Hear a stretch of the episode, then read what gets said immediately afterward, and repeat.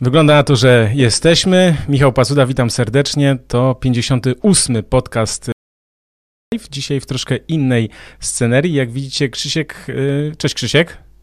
Cześć. To Krzysztof Sendecki. Poczekaj, poczekaj. Czy mnie słychać? Ja cię słyszę. O nie. Poczekajcie, bo teraz to mamy.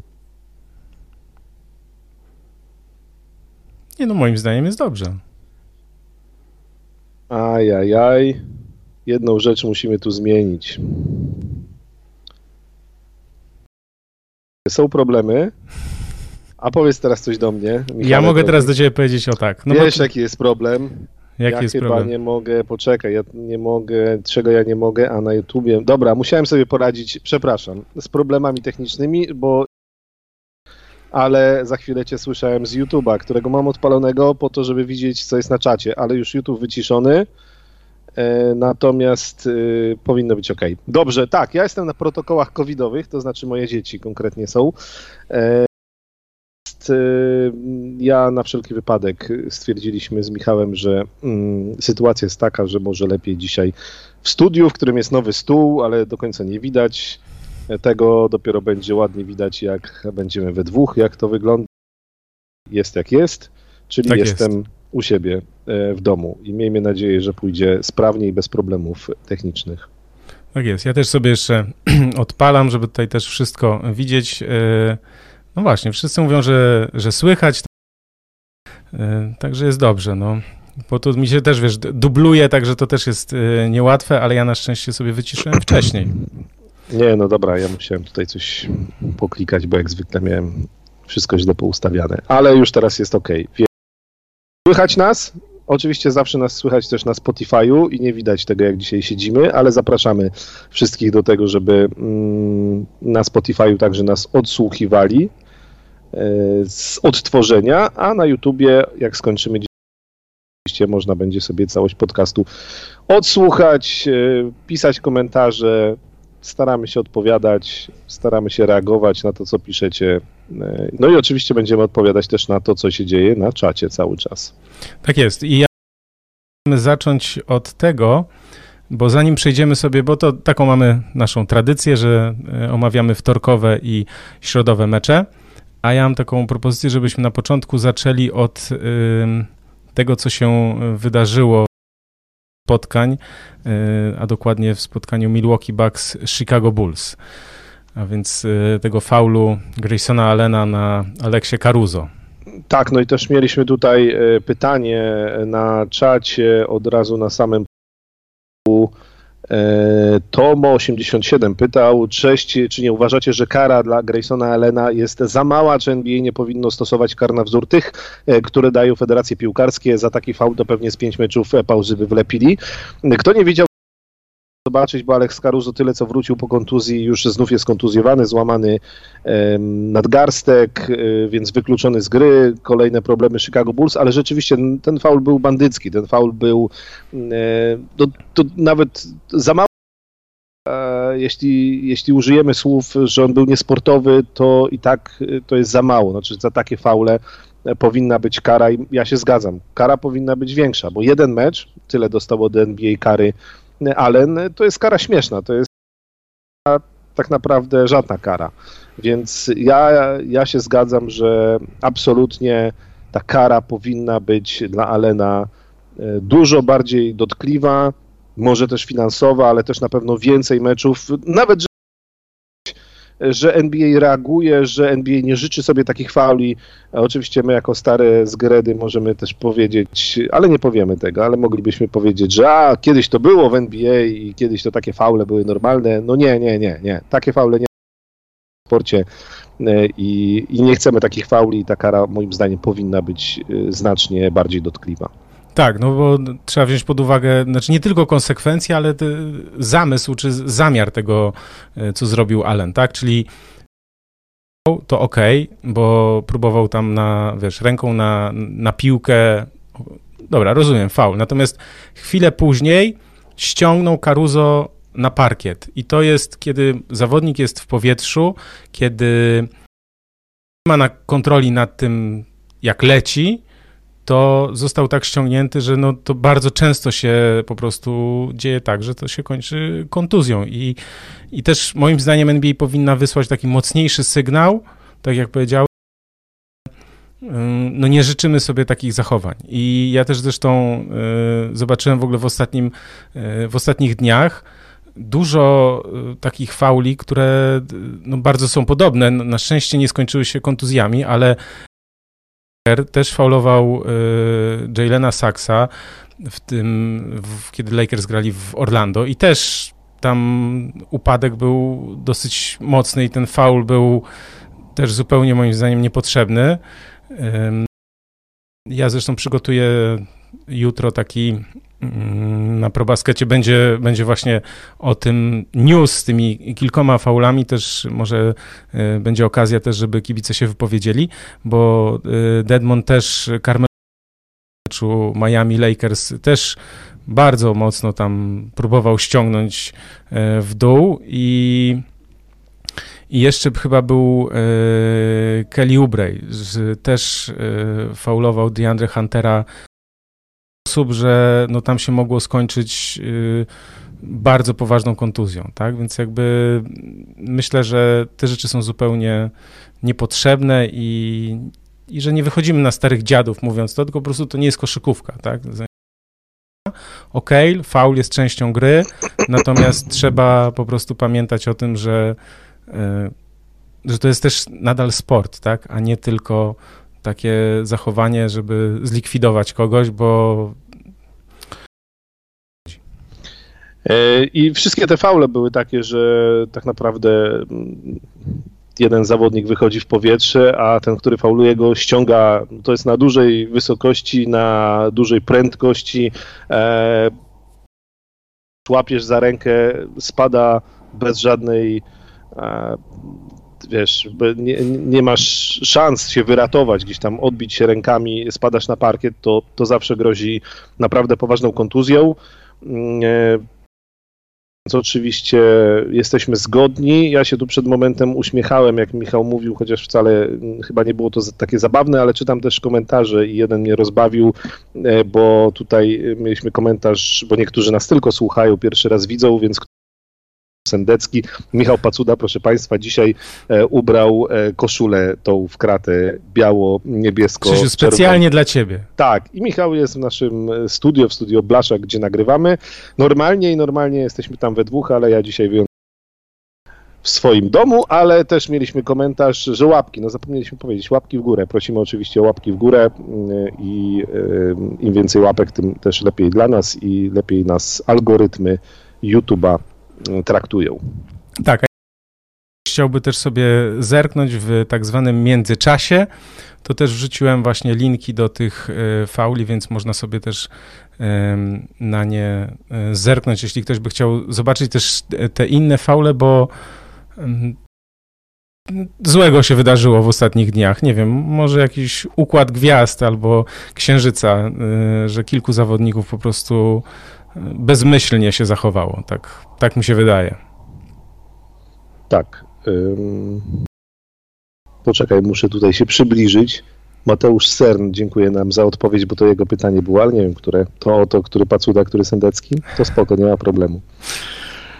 Tak, no to też jest dla nas takie y, czasem dziwne, w sensie, bo nam się wydaje, no tak, ale że, że, że, wszyscy powinni już nas kojarzyć, ale no zdarza się tak, że mamy nowe osoby i bardzo się z tego powodu cieszymy i też e, jakby zapraszamy do subskrypcji i do częstego oglądania i też do tych, do wracania do bo e, też jest tak, że jest opis minutowy pod każdym, pod każdym odcinkiem i e, można sobie zobaczyć, o czym w danej chwili rozmawiamy. I owszem, w zeszłym roku, nie wiem, jak rozmawialiśmy o czymś, to o wynikach bieżących nie jest aktualne, natomiast my też często poruszamy takie tematy, które są, jak to się ładnie mówi, ponadczasowe. Prawda? E, prawda, Mateusz Sarn, ale chyba powiedziałem Mateusz Sarn, bo tu poprawia Mateusz Sarn. Pozdrawiamy, e, autor pytania ponadczasowe i oczywiście można też wtedy na przykład y, sprawdzić, co o czymś, albo o kimś, albo jakiejś drużynie, albo zawodniku mówiliśmy e, parę miesięcy temu i stwierdzić, że nie mamy zielonego pojęcia o tym, o czym mówimy, bo się ale czasami się też nie myli. Tak, ja na przykład się pomyliłem, nie wiem, czy mówiłem ci chyba o tym, ktoś wyciągnął, słuchajcie, sprzed dwóch albo trzech lat fragment jednego z naszych nagrań, kiedy nagrywaliśmy samo chyba audio, że ja powiedziałem, że ja nie wierzę w więc ja się przyznaję, że ja nie, rzeczywiście nie wierzyłem w Chrisa Pola już dwa czy trzy lata temu, a e, on nie przestaje mnie e, zadziwiać, więc e, tak, to prawda. No, tak, tak było, tak było, nie zmyślam. Przy tym Lakers, no i co? No, przynajmniej się jest z, z, czego pośmiać teraz. I nie czepiam się wcale, wcale Russella Westbrooka, ale pewnie do niego dojdziemy jeszcze dzisiaj tradycyjnie. I znowu będą pisać yy, ludzie komentarze, że dlaczego znowu o Lakers gadamy. Słuchajcie, coś jest, nazwijmy to, najważniejsze w NBA dla kibiców, nazwijmy to ogólnie, tak? To też jest taka e, ważna kwestia, znaczy taka og ogólnie o NBA i takie najważniejsze wątki, tak? Więc jakby, ale też odsyłam, też odsyłam, bo e, nie, kiedy to było? Miesiąc temu y, ja nagrałem takie wersje, nawet niecały miesiąc temu chyba, y, taką podcast solo, bo akurat była taka sytuacja, że Krzysiek nie mógł, potem ja też wyjeżdżałem i tak dalej, i tak dalej. Na początku stycznia było. I tam na przykład mówiłem o Cavaliers i to, co tam wtedy mówiłem, jest aktualne. Także też można sobie e, odsłuchać i, i do tego też e, zapraszam. E, my też tak troszeczkę na początku przynudzamy albo gadamy dookoła, bo też dajemy szansę, bo wiemy, po prostu no, nie wchodzi w, w dokładnie o 21 jak się zaczyna, tylko ten czas tak troszeczkę musi minąć, żeby Kilka osób do nas dołączyło, no ale już mamy prawie 200 osób, także myślę, że możemy co, przejść do wtorkowych meczów. Przejdziemy, tylko jeszcze tutaj mamy pytanie, to dlaczego się mylicie? Nie, żartowałem, nie mylimy się. Dajmy spokój, lećmy z wtorkowymi meczami. Dobrze, to poprosimy grafikę. Najpierw e, wtorek. Dużo, no było dużo meczów we wtorek i w środę, także masz o czym mówić. Tak, znaczy myślę, że dzisiaj po prostu nie, nie ma też sensu, ale to też tak zazwyczaj robimy, że, że powiedzmy nie, nie opowiadamy o wszystkich meczach, też umówmy się, nie wszystkie je w całości e, widzieli. E, więc trochę chciałbym się poodbijać do dłuższych historii o paru drużynach i myślę, że e, mógłbym zacząć od tego, e, a właściwie od tych dwóch gości, którzy byli dzisiaj na ikonce tutaj na naszym podcaście ikonce zapowiadającej z naszymi narysowanymi twarzami, czyli o dwóch e, takich facetach, którzy w poprzednim sezonie walczyli o tytuł MVP.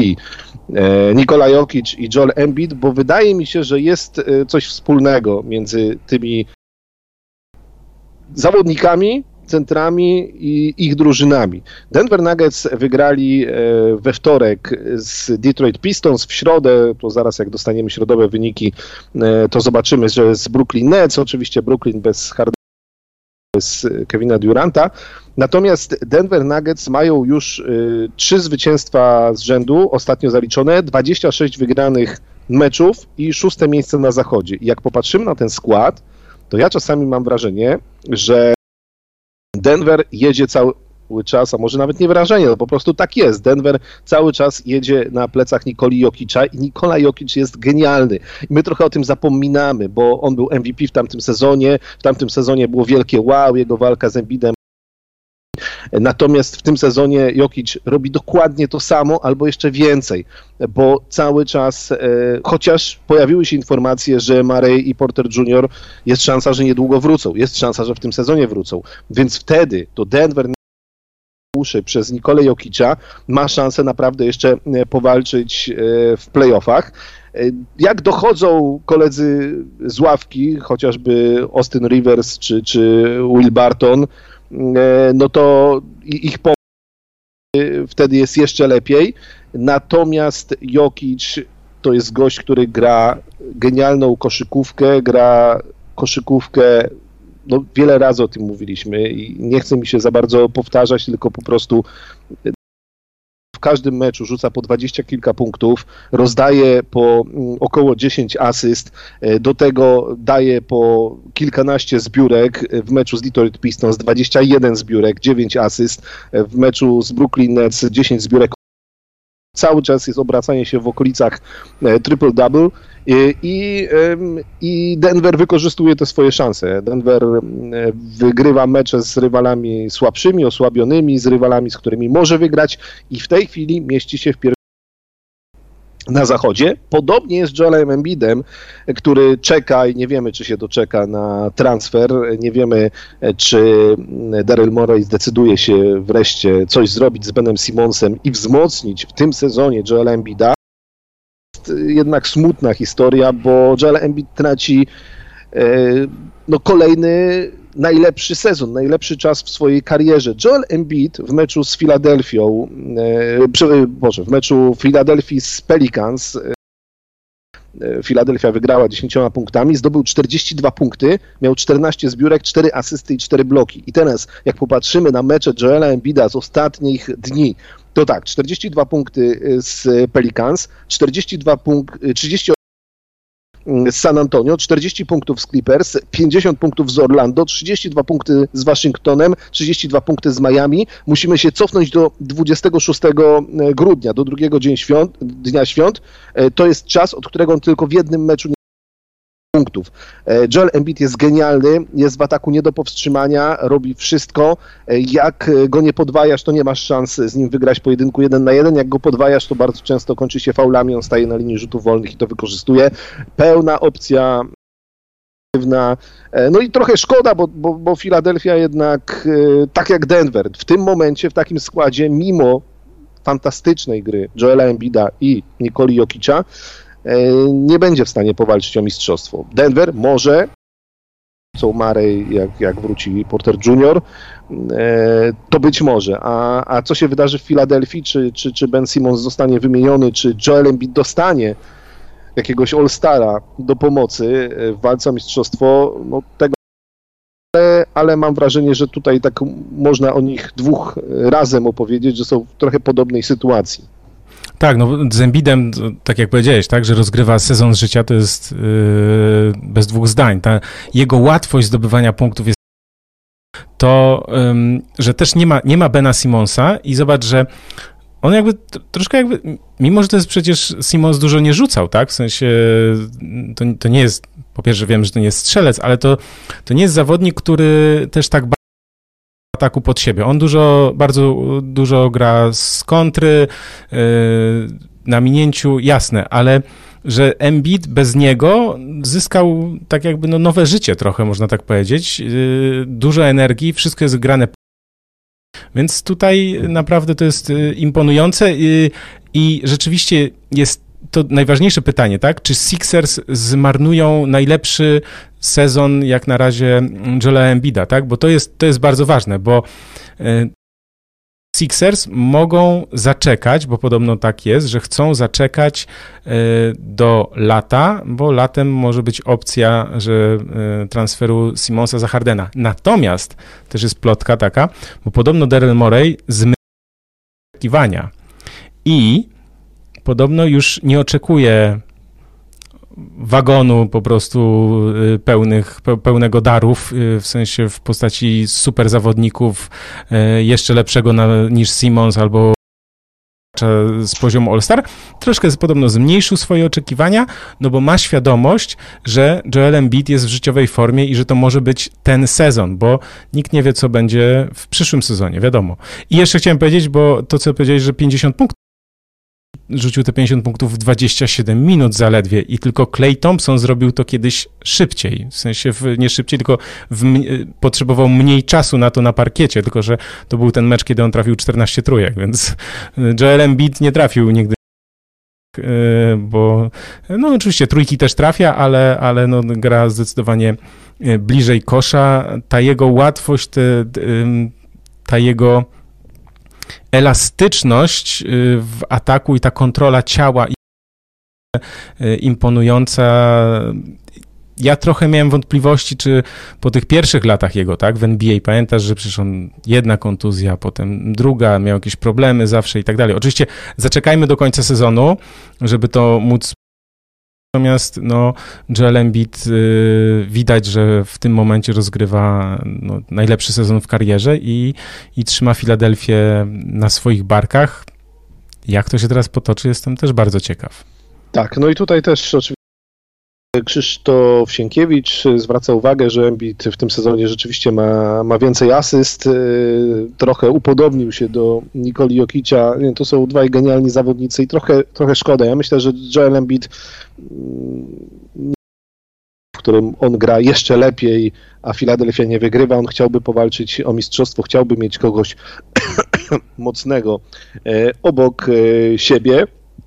E, dobrze, wiesz o jakim ja meczu chciałem porozmawiać, bo mówiliśmy o tym, kto jest genialny.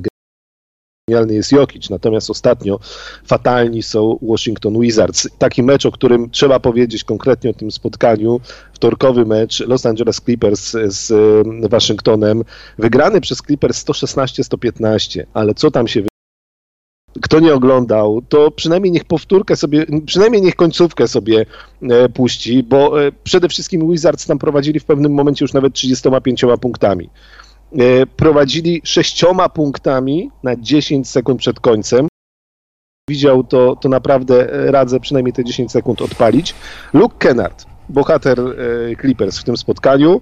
Najpierw odpalił truje z 10 metrów, a tak, dobra, i tak przegrywamy Heja, rzucił, trafił. Kuzma popełnił błąd 5 sekund, nie, nie zdołał e, wyprowadzić piłki z autu w 5 sekund, a, ciągle w posiadaniu piłki z przewagą 3 punktów był Waszyngton. E, Clippers mieli piłkę, Luke Kennard po raz drugi trafił truje i został sfaulowany, dorzucił rzut. W taki sposób e, zdobył w 9 sekund 7 punktów, Wizards się skompromitowali, nie pierwszy już raz, bo ostatnio e, mają passę bardzo, bardzo złą i to była totalna kompromitacja. Washington Wizards, których do sezonu, natomiast oni lecą e, w tabeli wschodu na łeb, na szyję, już są na dziesiątym miejscu, chociaż tam cały czas jest ciasno, ale patrząc na to, co oni ostatnio wyprawiają, to coś niesamowitego momencie. Natomiast no, w drugą stronę e, podziwiam Clippers, bo oni grają e, bez Paula George'a i bez e, Kawaja Leonarda. rzecz mhm. jasna, bez swoich dwóch wielkich a cały czas są gdzieś tam blisko, blisko, w tym momencie na ósmym miejscu z bilansem 25-25, e, o, o, jedno oczko wyżej niż, niż Clippers, więc, y, więc naprawdę ta gra Clippers względem, że są w stanie wyszarpywać te kolejne zwycięstwa, e, mimo że są bardzo, bardzo osłabieni, grają bez swoich dwóch najważniejszych postaci, to jakieś tam wrażenie na mnie na pewno robi.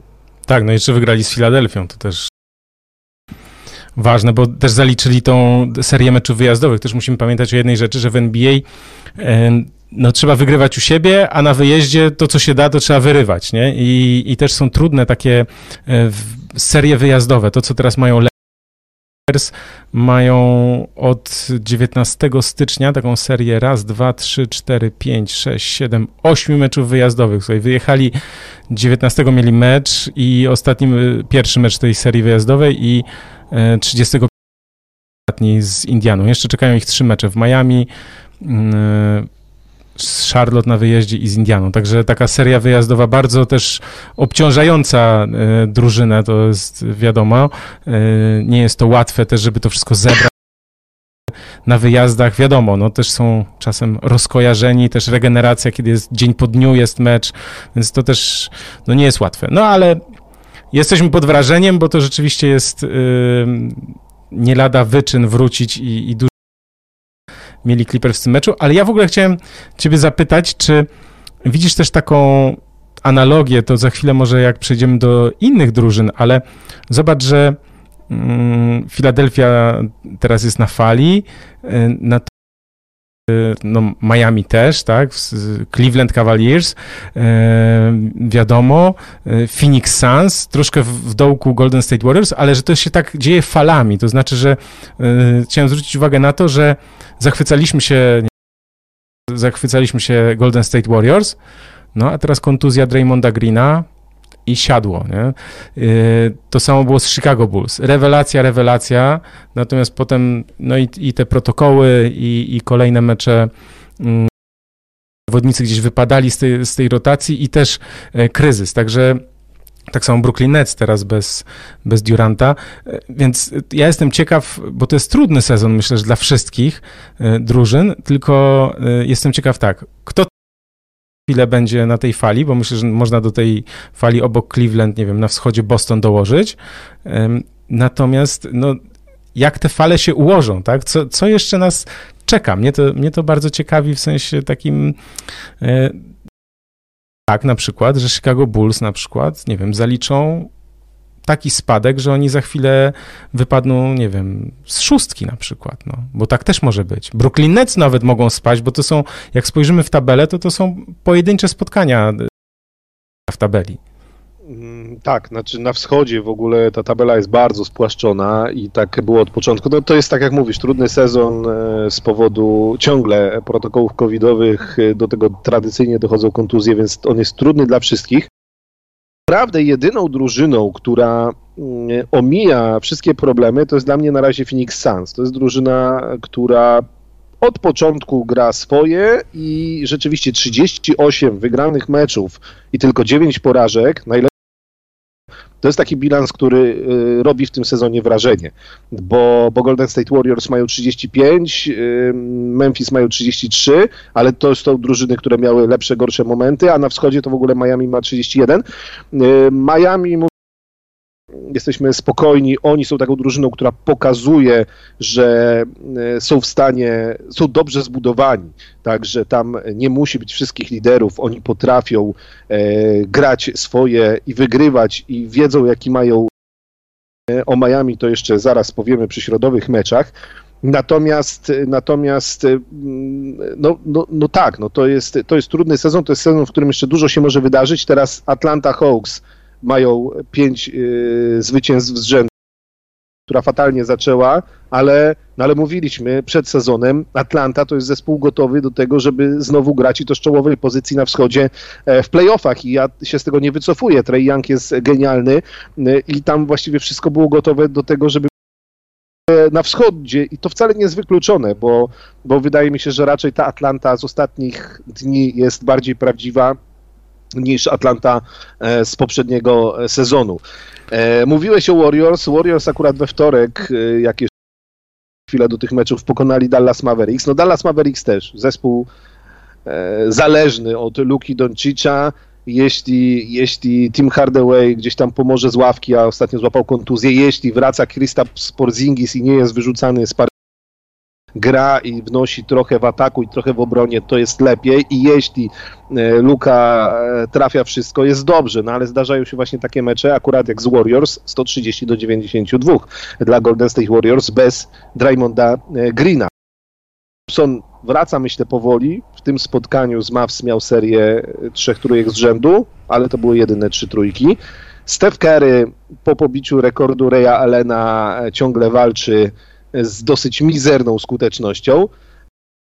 E, są takie górki i mm, dołki i każda drużyna się musi z tym e, borykać. E, I, I wiesz, różne są też zależności, różne są powody. Nie wiem, no możemy też pochwalić na przykład Minnesota podoba, która która we wtorek Antony wygrała. Edwards, ja jestem tak, fanem, tak, ja jestem 40 fanem. punktów, no to tak, to, to, to ja już akurat Anton, o Antonym Edwardsie wspominaliśmy parę razy, że warto go oglądać. W tym meczu Sportland 40 punktów, chociaż ostatnia akcja na e, Russella więc ta Minnesota na zachodzie też cały czas się trzyma. Nie jest typową Minnesotą, która, e, która nagle zaczęła przegrywać i, i, zrobiła jakieś tam 10 z rzędu porażek. Nie, na razie Minnesota wygląda dobrze dobrze e, broni, bo to nie tylko, nie tylko atak, bo ten atak ma naprawdę, naprawdę mocny. E, przed studiem mówiłeś mi, powiedz coś o Jasonie Tatumie, to ja się powtórzę e, jakby z tym, co mówiłem przed sezonem.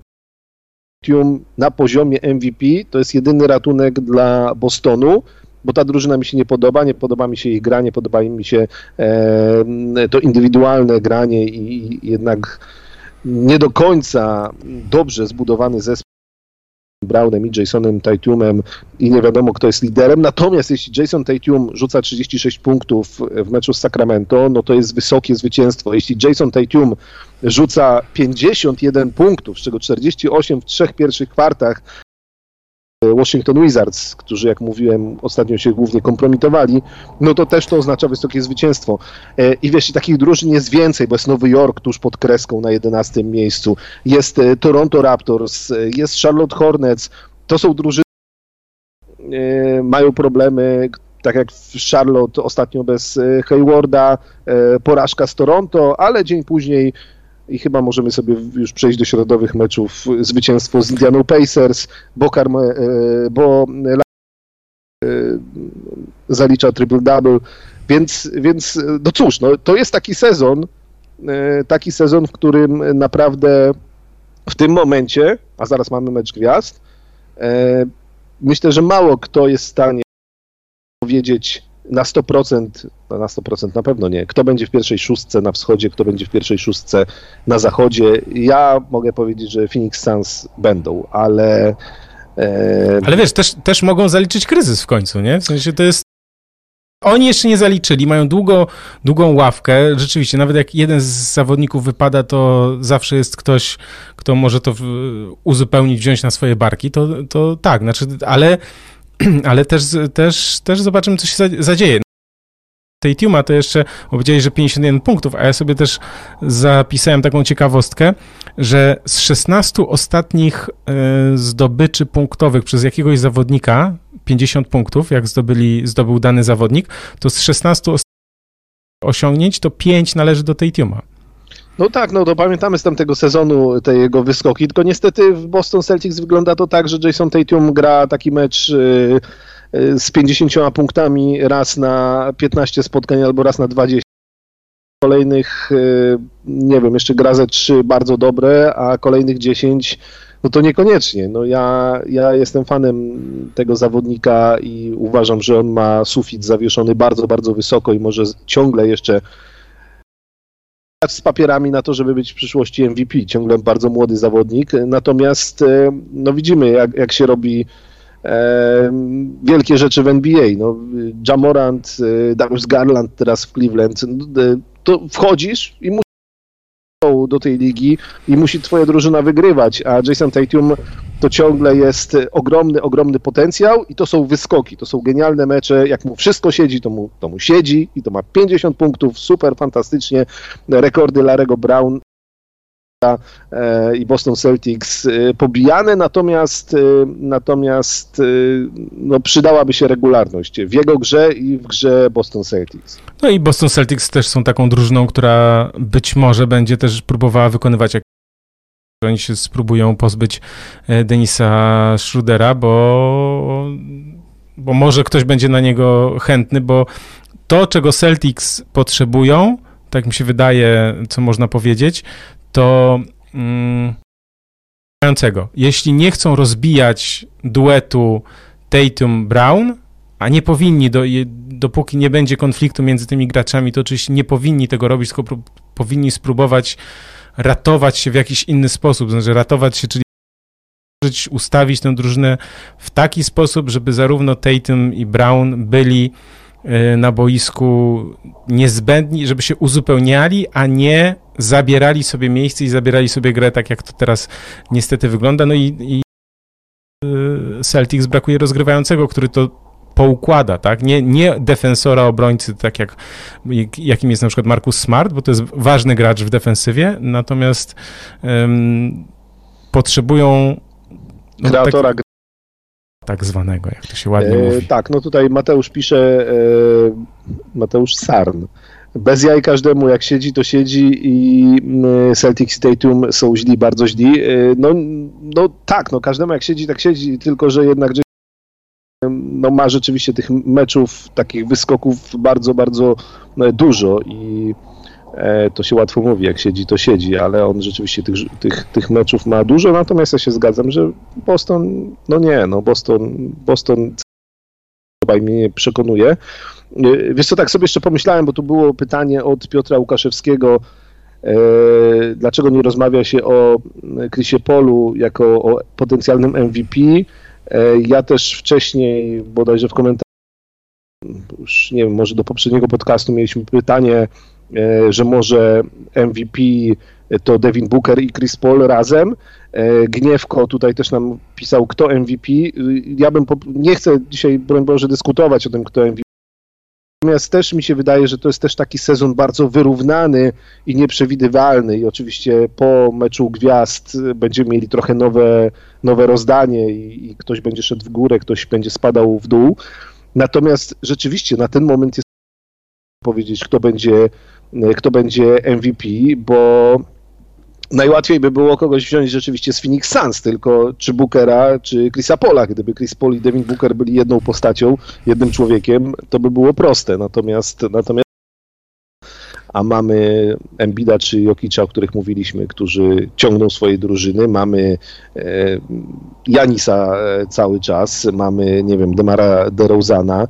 E, Wiesz, mamy, mieliśmy do Kevina Duranta, jeśli spojrzymy na ten, taki jest tracker na Basketball Reference, takiej magicznej stronie ze statystykami, e, która właśnie analizuje te wszystkie rzeczy, no po prostu jest algorytm ustawiony i, i to wylicza, to rzeczywiście Nikola Jokic jest na pierwszym miejscu 40 Janis na drugim 17 i Embiid dopiero na trzecim niecałe 11%, więc to jest to na podstawie cyferek, natomiast wiadomo, że cyferki nie grają, nie mają takiego je, takiego znaczenia, znaczy w przypadku nie, nie jest to jednoznaczne, tak, że cyferki nie są najważniejsze. Ważny jest odbiór, nazwijmy to percepcja, to jak jest nagłośnione też medialnie, tak, to kto zasługuje na MVP, a kto nie. I też y, trzeba pamiętać o tym, że jest no, z jednej z najlepszych drużyn, tak, czyli jeśli mm, Steph Curry będzie grał znakomity sezon, a, a Golden State Warriors będą, nie wiem, na piątym miejscu, no to on tego MVP na przykład nie dostanie, tak? Więc, yy, no wiadomo, jest, wiesz, ja tylko, że jego drużyna zajmuje na razie dziewiąte miejsce na zachodzie. LeBron James.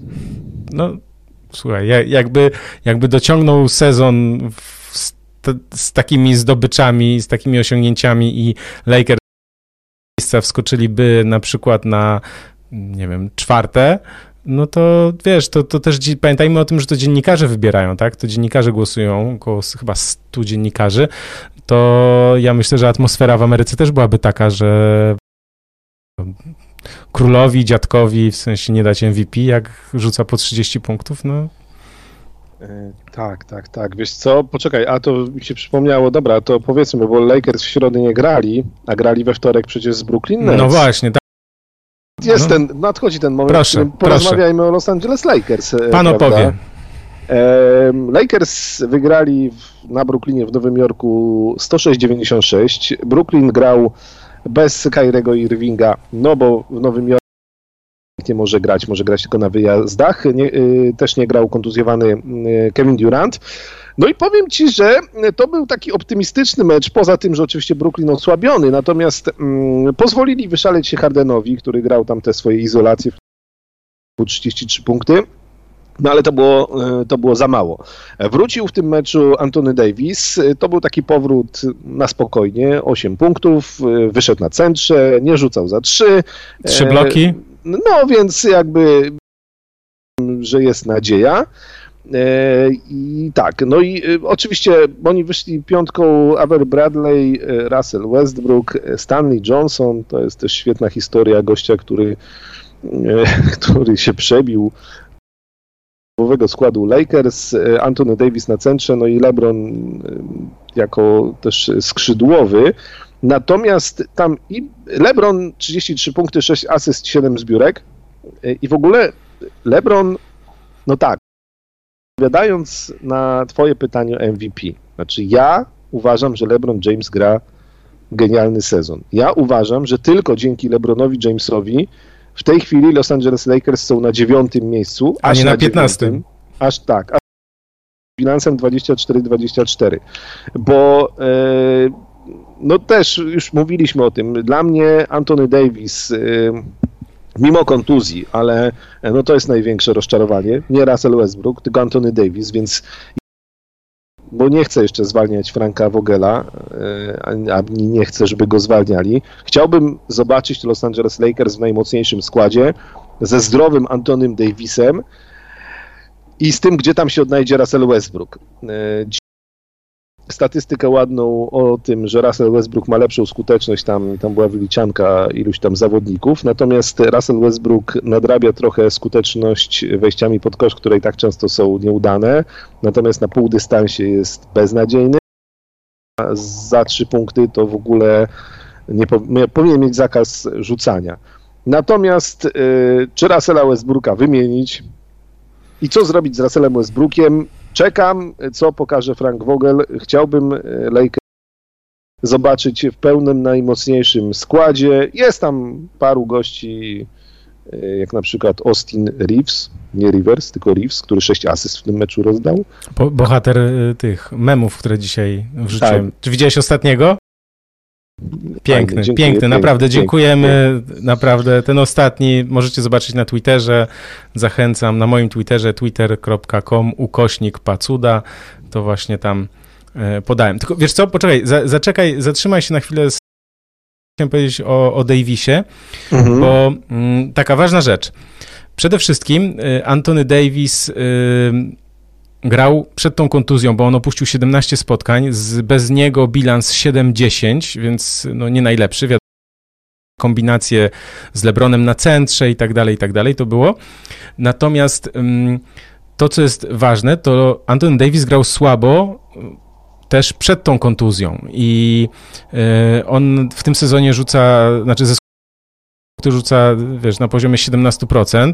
W tym poprzednim sezonie, dobra, 26%, ale wcześniej miał jednak parę sezonów powyżej 30 i to była jakaś taka broń, że on też mógł wyciągnąć tego um, swojego obrońcę spod kosza, ale się źle moim zdaniem dlatego, dla niego, bo on y, nagle się okazało, że jest, ma ograniczone pole manewru, czyli y, znaczy, że nie jest numerem jeden albo numerem dwa, tak jak był w zeszłym sezonie, czy w poprzednim roku z, jeszcze z, razem z LeBronem.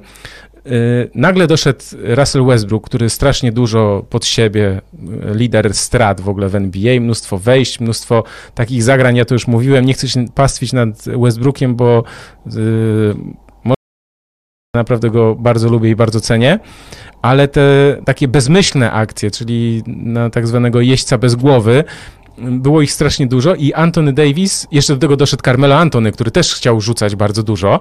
E, nagle się okazało, że jest tak no, e, angażowany. Mimo, że oddawał, oddaje w tym sezonie tyle samo rzutów z gry, co w poprzednim, czyli powyżej, powyżej 17, to jednak e, wydaje mi się, że to było tak, że on nie był tym numerem jeden czy numerem dwa tak jakby chciał. To znaczy, że nie był tą ważną postacią. Na to się nakładało to, że, znaczy efektem tego, czy no, skutkiem ubocznym tego było, że on się nie angażował w obronę.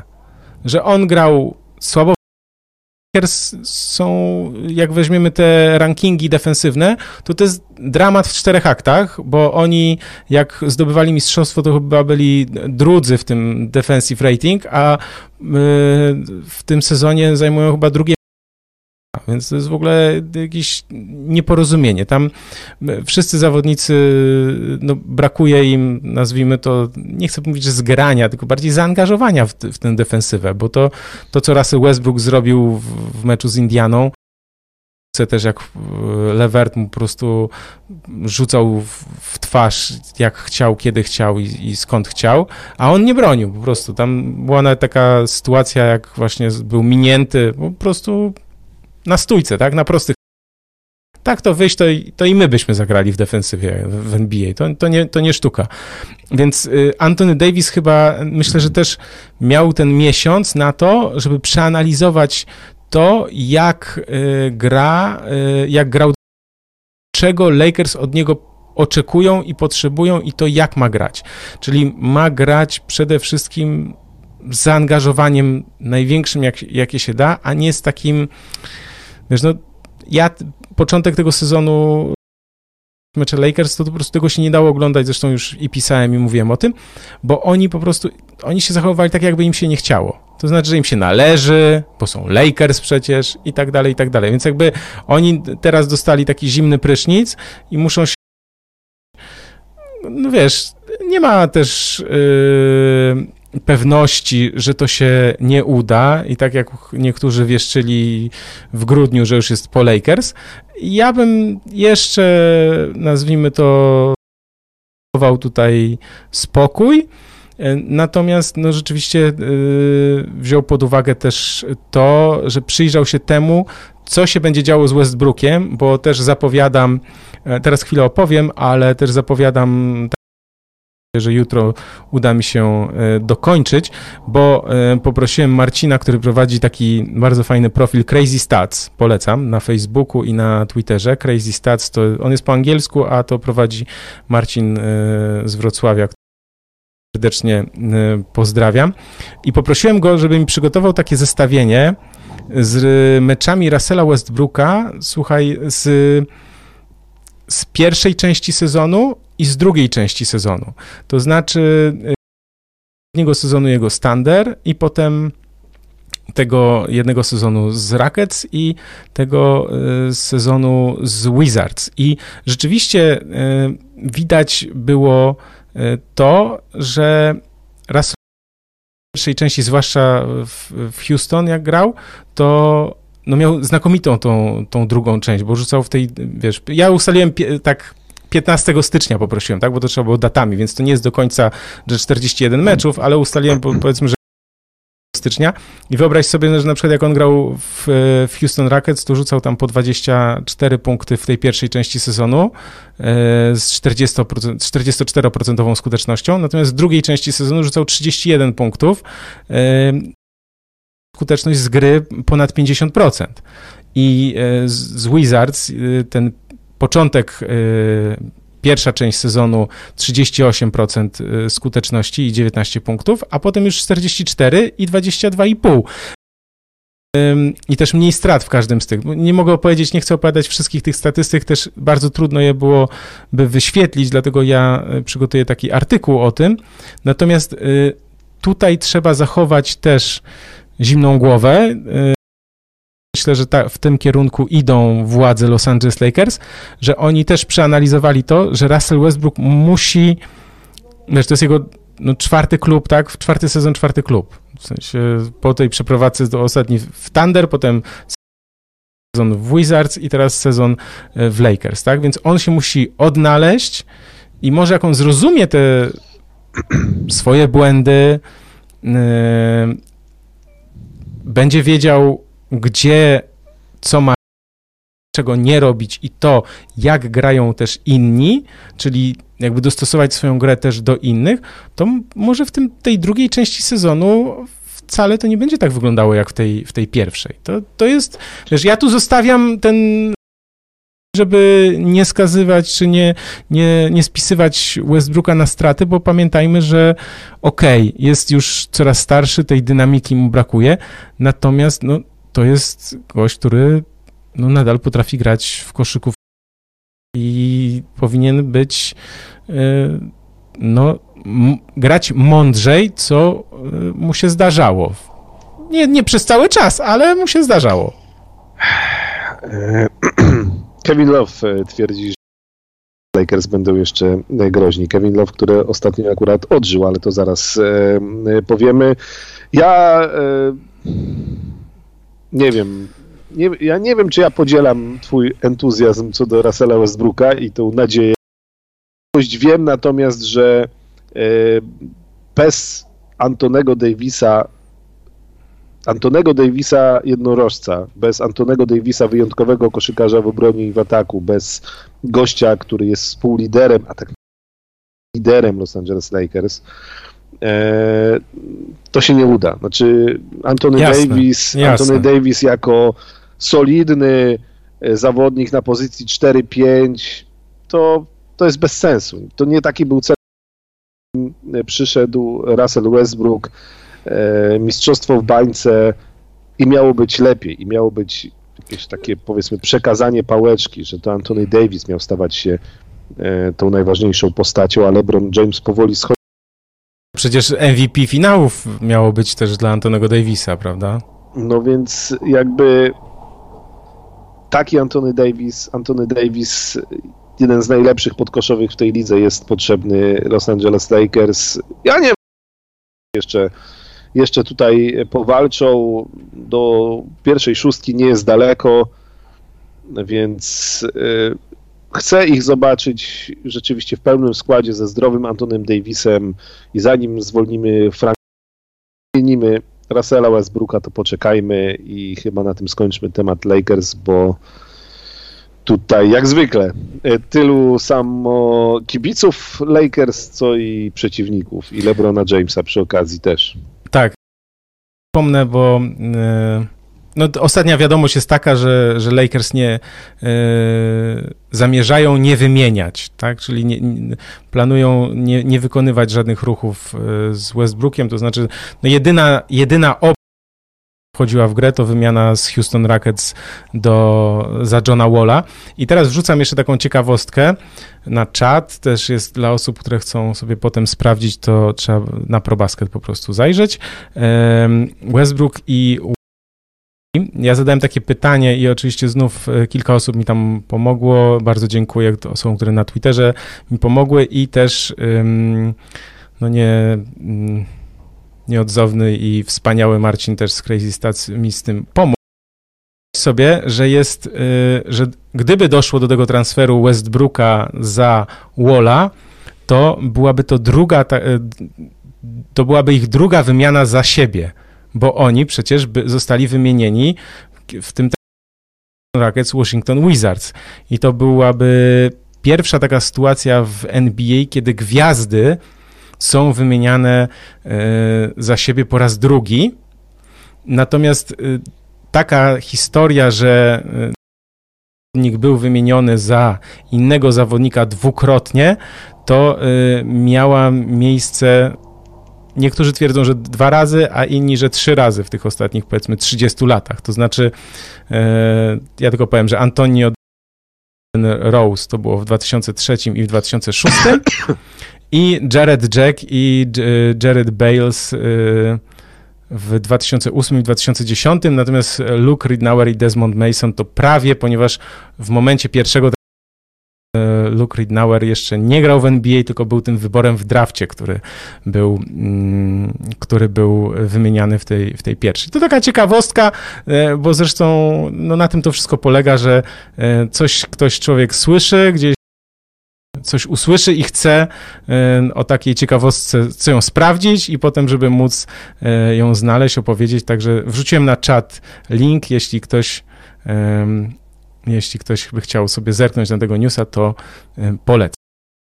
Tak, a swoją drogą to skandal, że John Wall cały czas nie gra. Nie, to, to jest, to jest, yy, widziałeś, ja, ja dzisiaj podałem dalej, bo to też jakiś y, ktoś na Twitterze napisał, że y, Dirk Nowicki w ostatnich chyba pięciu latach rozegrał niż e, John Wall, tylko że Dirk Nowicki od trzech lat e, nie gra w e, NBA. Tylko, że oczywiście trzeba pamiętać, że John Wall miał bardzo poważną kontuzję, tak? Jedną, za, mhm. jedną, jedną po drugiej. Długo bardzo wracał.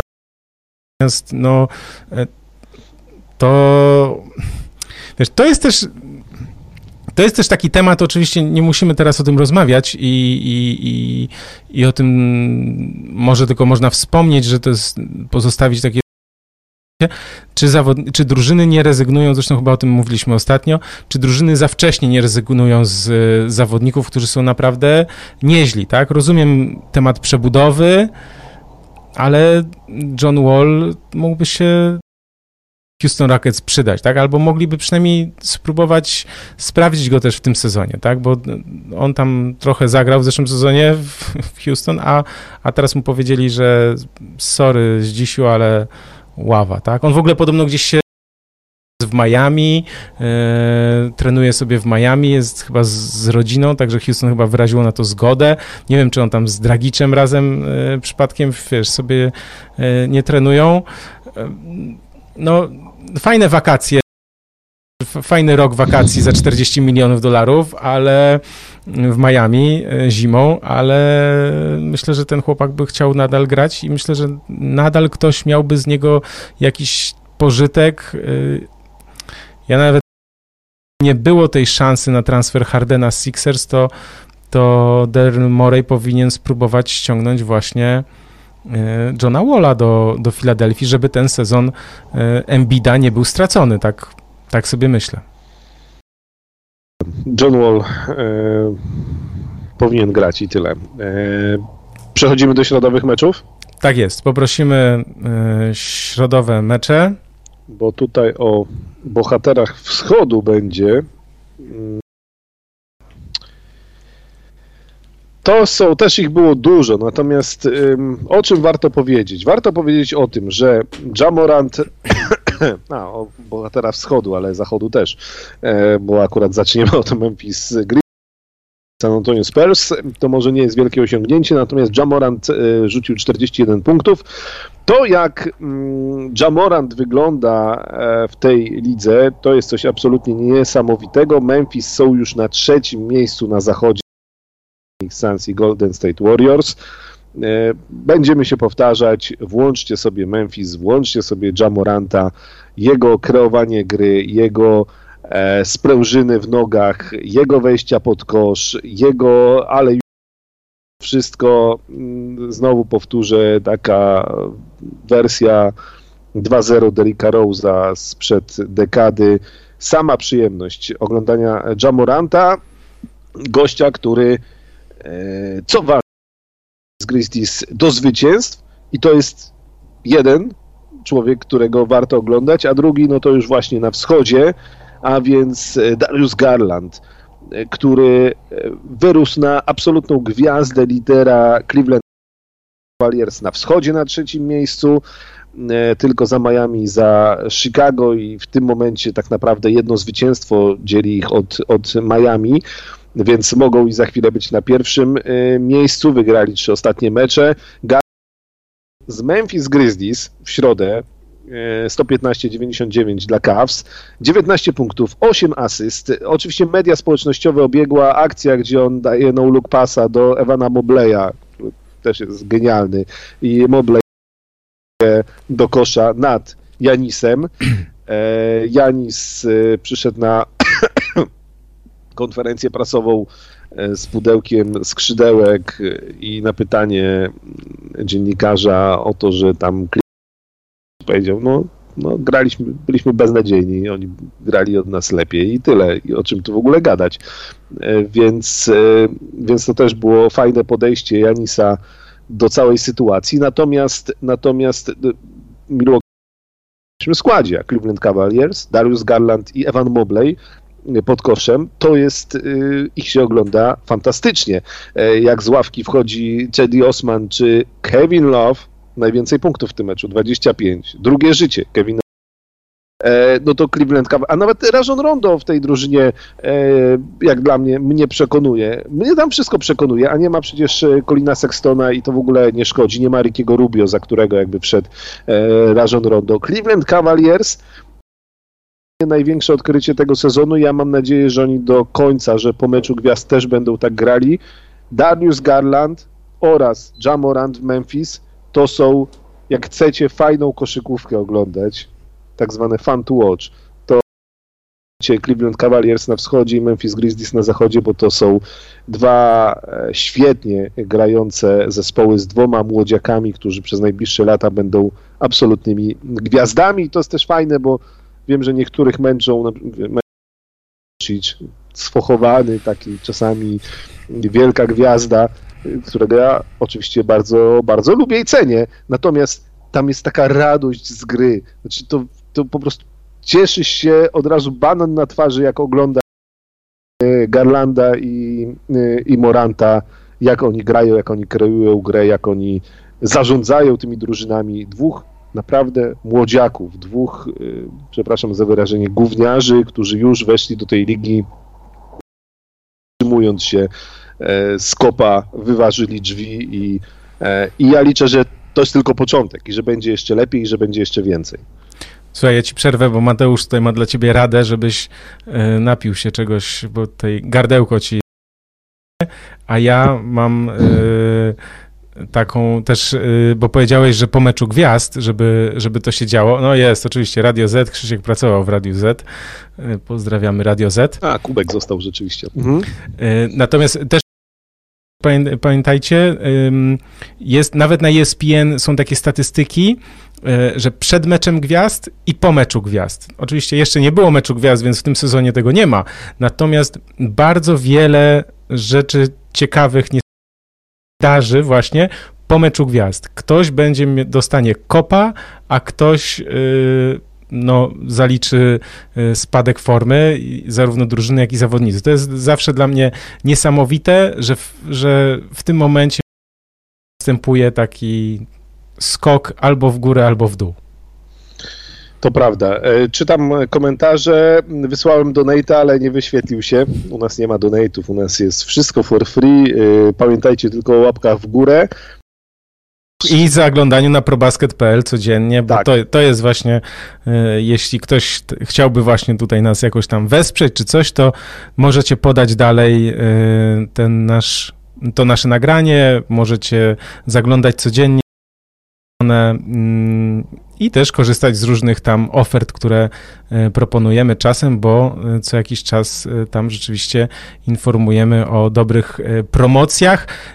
O jednej rzeczy ja chcę tylko powiedzieć, już kończę ten wątek, że jeśli na informacja jakiejś promocji, to znaczy, że to jest naprawdę dobra promocja. To jest taka promocja, z której ja bym skorzystał. Chodzi o Nike, chodzi o Adidasa, o różne e, przeważnie ubrania sportowe, buty, to możecie mieć pewność, że to są nie ściemy, baty 30, 40, 50%.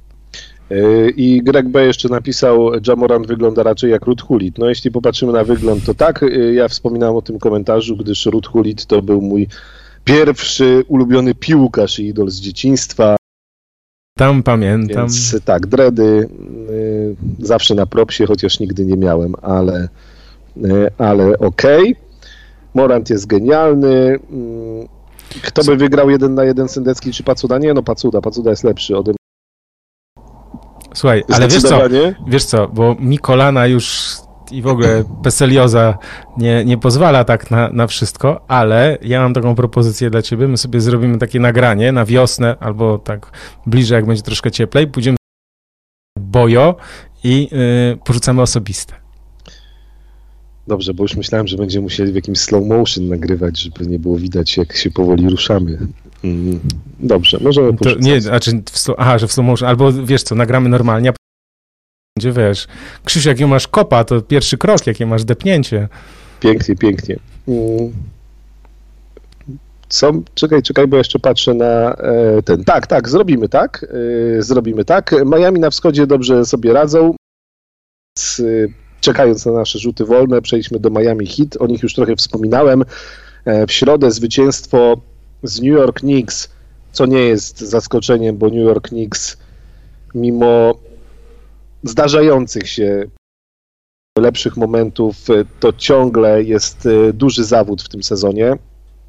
Ciągle Julius Randle no nie, znaczy wydaje mi się, że jednak to, co on zagrał w poprzednim sezonie, to było powyżej jego możliwości i, i, i no dobra, w New York Knicks jest więcej problemów. Gadaliśmy o tym, na razie nie wygląda to różowo, natomiast Miami wygląda bardzo dobrze. Tylko w 12 meczach w tym sezonie panowie Tyler Hero, Bama Debajo, Jimmy Butler grali razem. A mimo to Miami Heat mają 31 wygranych i są liderem wschodu. E, w tym ostatnim meczu z New York Knicks, zresztą od jakiegoś czasu już tak jest, nie gra Kyle Lowry, Natomiast Jimmy Butler jest absolutnie generałem tej drużyny. E, Tyler Hero idzie na najlepszego rezerwowego e, w tym sezonie. Nie ma co do tego wątpliwości. Bam Adebayo załatwia wszystko, co się da pod koszem. Duncan Robinson w tym meczu akurat był bardzo dobrze, e, bardzo dobrze się prezentował. Miami Heat to jest drużyna bardzo dobrze zbudowana i tu akurat możemy powiedzieć naszą mądrość sprzed sezonu, bo nie byliśmy pewni co do tego, jak oni wysoko będą w sezonie zasadniczym na nich nikt nie będzie chciał trafić w playoffach bez względu na to, z którego miejsca wystartują i to się, i to się potwierdza. Miami Heat w najmocniejszym składzie są bardzo groźni, ale jak kogoś z liderów brakuje, to ciągle są bardzo też niebezpieczną e, drużyną. Tak znowu dużo e, ze swoich atutów nie tracą. Potwierdzam. Przepraszam, ale musiałem teraz podpisywać troszkę na e, czacie, ale e, to się nie przejmuj. E, nie będziemy tutaj przytaczać tych wątków wszystkich. Jak Krzysiek też przed programem powiedział, że musimy sobie po sezonie zrobić takiego Q&A, jak prawdziwi youtuberzy i myślę, że będziemy zbierać te informacje, znaczy te pytania sobie po, pozbierać. Ja nie dankowałem. Ja w najlepszej, ja mam 181 w butach centymetrów, w najlepszym momencie e, kariery gdzieś na początku LO powiedzmy, no, kariery, duże słowo, nie? To ja do obręczy doskakiwałem, więc ewentualnie piłką do tenisa stołowego, do tenisa ziemnego. Do ping-ponga. Do ping-ponga, nie, do tenisa ziemnego, no to byłem w stanie wcisnąć, ale nie, piłką do kosza nie, nie, nie dankowałem, aczkolwiek woli, poważna hala i wtedy poważna drużyna w poważnej lidze ekstraklasie grała. E, kosze na tej głównej hali były opuszczane, więc e, A, czasami, czasami na koniec treningów można było zagrać na 2,50 na przykład. No i oczywiście na bocznej no to wiadomo, nie, no to tam no tak, ja miałem... się latało nad obręczami. Ja w swoim tak zwanym prime udawało mi się wsadzić nawet z dwóch nóg, bo to jest, dla mnie była jakiś totalny wyczyn, zupełnie inny, bo ja mam rękę jak bochen chleba, więc bez problemu z taktu y, Pewnie jakbym się nie bał o swoje, nie wiem, plecy czy kolana, to bym zrobił też to teraz, ale to nie było problemem, natomiast żeby no z dwóch nóg tak polecieć, to, to już, no był taki, nazwijmy to, prime. Nie, w ogóle ja podziwiam, bo jak ktoś grał w koszykówkę, to wie, no z dwutaktu jest łatwiej, natomiast ja podziwiam koszykarzy NBA, w ogóle wybijanie się z dwóch nóg. E, Wiem o czym mówisz, bo ja dlatego uwielbiam Russella Westbrooka. Ten nad Gobertem to jest kopia wsadu z jakiegoś jego sezonu, nie pamiętam yy, sprzed ilu sezonów yy, w meczu z Detroit Pistons. Ja muszę znaleźć tę akcję i gdzieś się wrzucić, bo i on przez całe boisko, słuchaj, przez całe boisko przykozłować, przecież i też wkładasz w ten żeby tam dobiec, tak? I potem, wiesz, on po prostu z dwóch nóg jak poleciał, a Russell Westbrook, ja akurat y, z, obok niego stałem i chwilę z nim rozmawiałem, chociaż on taki niezbyt rozmowny był, bo raczej był taki szydzący. No to on jest, ja miałem wrażenie, że on jest niższy ode mnie, tak? Więc on ma tam wpisane to 6,3, niby 1,91 m, ale ja mam wrażenie, że on ma z 1,88 m tak naprawdę. Tak, ta, takie, miałem, takie miałem wrażenie, więc ten dynamit w nogach i te wsady to... Uh. Chciałbym usłyszeć tę historię o szydzącym Russellu Westbrooku. Wiesz co, to jest taka poza, w sensie taki, taki głupio śmieszny, w sensie zadajesz mu pytanie i on tak, mm, pff, takie wiesz, takie odpowie i tak dalej. I, i, wiesz, to było przed meczem, więc, więc on yy, rozumiem że też, że był skupiony, natomiast Kevin Durant, bo to było w 2011, jak byłem w Stanach, na, w 2011 i poleciałem do Chicago, a potem zresztą opowiadałem o tym w poprzednim podcaście, tak, więc jakby ten, ale chodzi mi o to, że, że na przykład Kevina Duranta, normalnie można było sobie z nim chwilę pogadać, ja zapytałem, bo akurat wtedy była taka popularna, yy, niepopularna akcja, znaczy ma jakaś czegoś, nie wiem, czy ty to pamiętasz sobie, bo to 10 lat temu było, Kevin Durant mieszkał w Oklahomie sam chyba i jego sąsiad, yy, to był jakiś dzieciak, który do niego zaglądał po prostu przez szybkę, przez drzwiczki, pukał do niego i tak dalej. I on się z tym dzieciakiem po prostu zakolegował, na zasadzie takiej gdzieś tam sobie wrzucali właśnie, w, to były przecież początki trochę mediów społecznościowych gdzieś, mm, że ten dzieciak wrzucał, że o, Kevin Durant i tak dalej. Nie pamiętam teraz tego dokładnie, ale czy to nie jest jakaś reklama, czy to nie jest jakaś akcja, taka zorganizowana akcja. Mhm.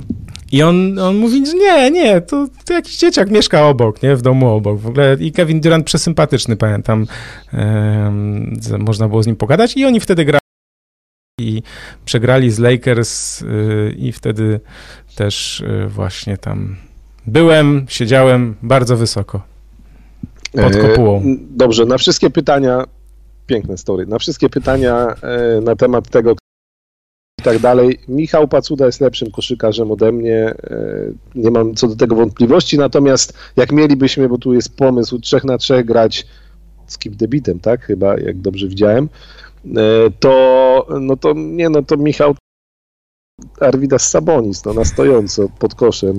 Nie, nie, nie, nie przesadzaj, bo tu wiesz, to bardziej Chris Gatling, jeśli już ktoś No, chciałby. jakby ten. Ja ostatnio byłem u lekarza też z kolanami podobno jest nieźle generalnie. U mnie chociaż trochę bolą, ale... U mnie na Czerwane krzyżowe, więc Nie, jakby... nie, to u, u mnie Ale jest, nie warto operować, więc jakby żyję sobie. Nie ma już żadnej Normalnie. nadziei dla ciebie. Nie ma już nadziei. Dobrze, słuchaj, środowe mecze y, dalej. Co tam się, co tam się Dobrze, jeszcze to wydarzyło? Tak, o Miami, Miami jeszcze dodam tylko zwycięstw y, ostatnio seria, więc y, 8 w 9 ostatnich meczach zwycięstw, więc Miami naprawdę wygląda rewelacyjnie, wygląda jak drużyna. Y, Cleveland i Memphis y, mówiłem, o Garlandzie i Jamor. Słuchaj, mm, y, Charlotte Hornets. To Właśnie, ciekawe, to musisz, to musisz mi powiedzieć, bo ja tylko widziałem wynik. 158 punktów. Co? To jest I rekord jeszcze na wyjeździe. rekord klubu w znaczeniu rekord drużyny Charlotte Hornets trafili. Lamelo Ball zaliczył e, triple-double z 29 punktami, no i Kelly Oubre e, z ławki rezerwowych 39 punktów, e, siekał trójki jak e, 10, oszalały. tak? 10. Tak, więc, więc Indiana, Indiana chyba oszczędza generalnie ludzi, których będzie chciała wymieniać, ale, ale to nie zmienia faktu, że to taki mecz, jak mówiliśmy o Jasonie Tatumie, mm, to wyszedł Charlotte Hornets i Ale to też bo oni dzień wcześniej grali w Toronto i przegrali w Toronto, tak? tak, tak, tak, przegrali. Po tym meczu w Toronto zastanawiałem się, co się dzieje z Terem Rozierem, bo chociaż tam bez Haywarda grali w On w Toronto. protokole jest, tak? E, tak. E, Rozier mm, tak ostatnio mnie nie przekonywał, bo Charlotte też ma lepsze i gorsze momenty, natomiast no, w tym meczu im wychodziło wszystko w znaczeniu. Te trójki po prostu załatwiły to spotkanie jak 158 rzu- y, rzucasz punktów, no to, no to wiadomo, jak to się O Atlancie trochę wspominaliśmy. Atlanta Wiesz ja tylko powiem, bo, bo chcę z- zobaczyć, to, to też jest taka ciekawostka, bo nie wiem, czy wszyscy na to zwracają uwagę. Ja, ja na to zwracam uwagę, bo e, swego czasu też, e, jak pracowałem przy reprezentacji Polski, to też się trochę nalatałem, wiesz, zalatany byłem. E, I tak nie latałem z nimi na wszystko, bo, bo nie było takiej potrzeby, z, tak przynajmniej uważano, ale e, to mnie zawsze ciekawi, Wyobraź sobie, że z Toronto do Indiany to jest y, samolot leci y, 4 godziny.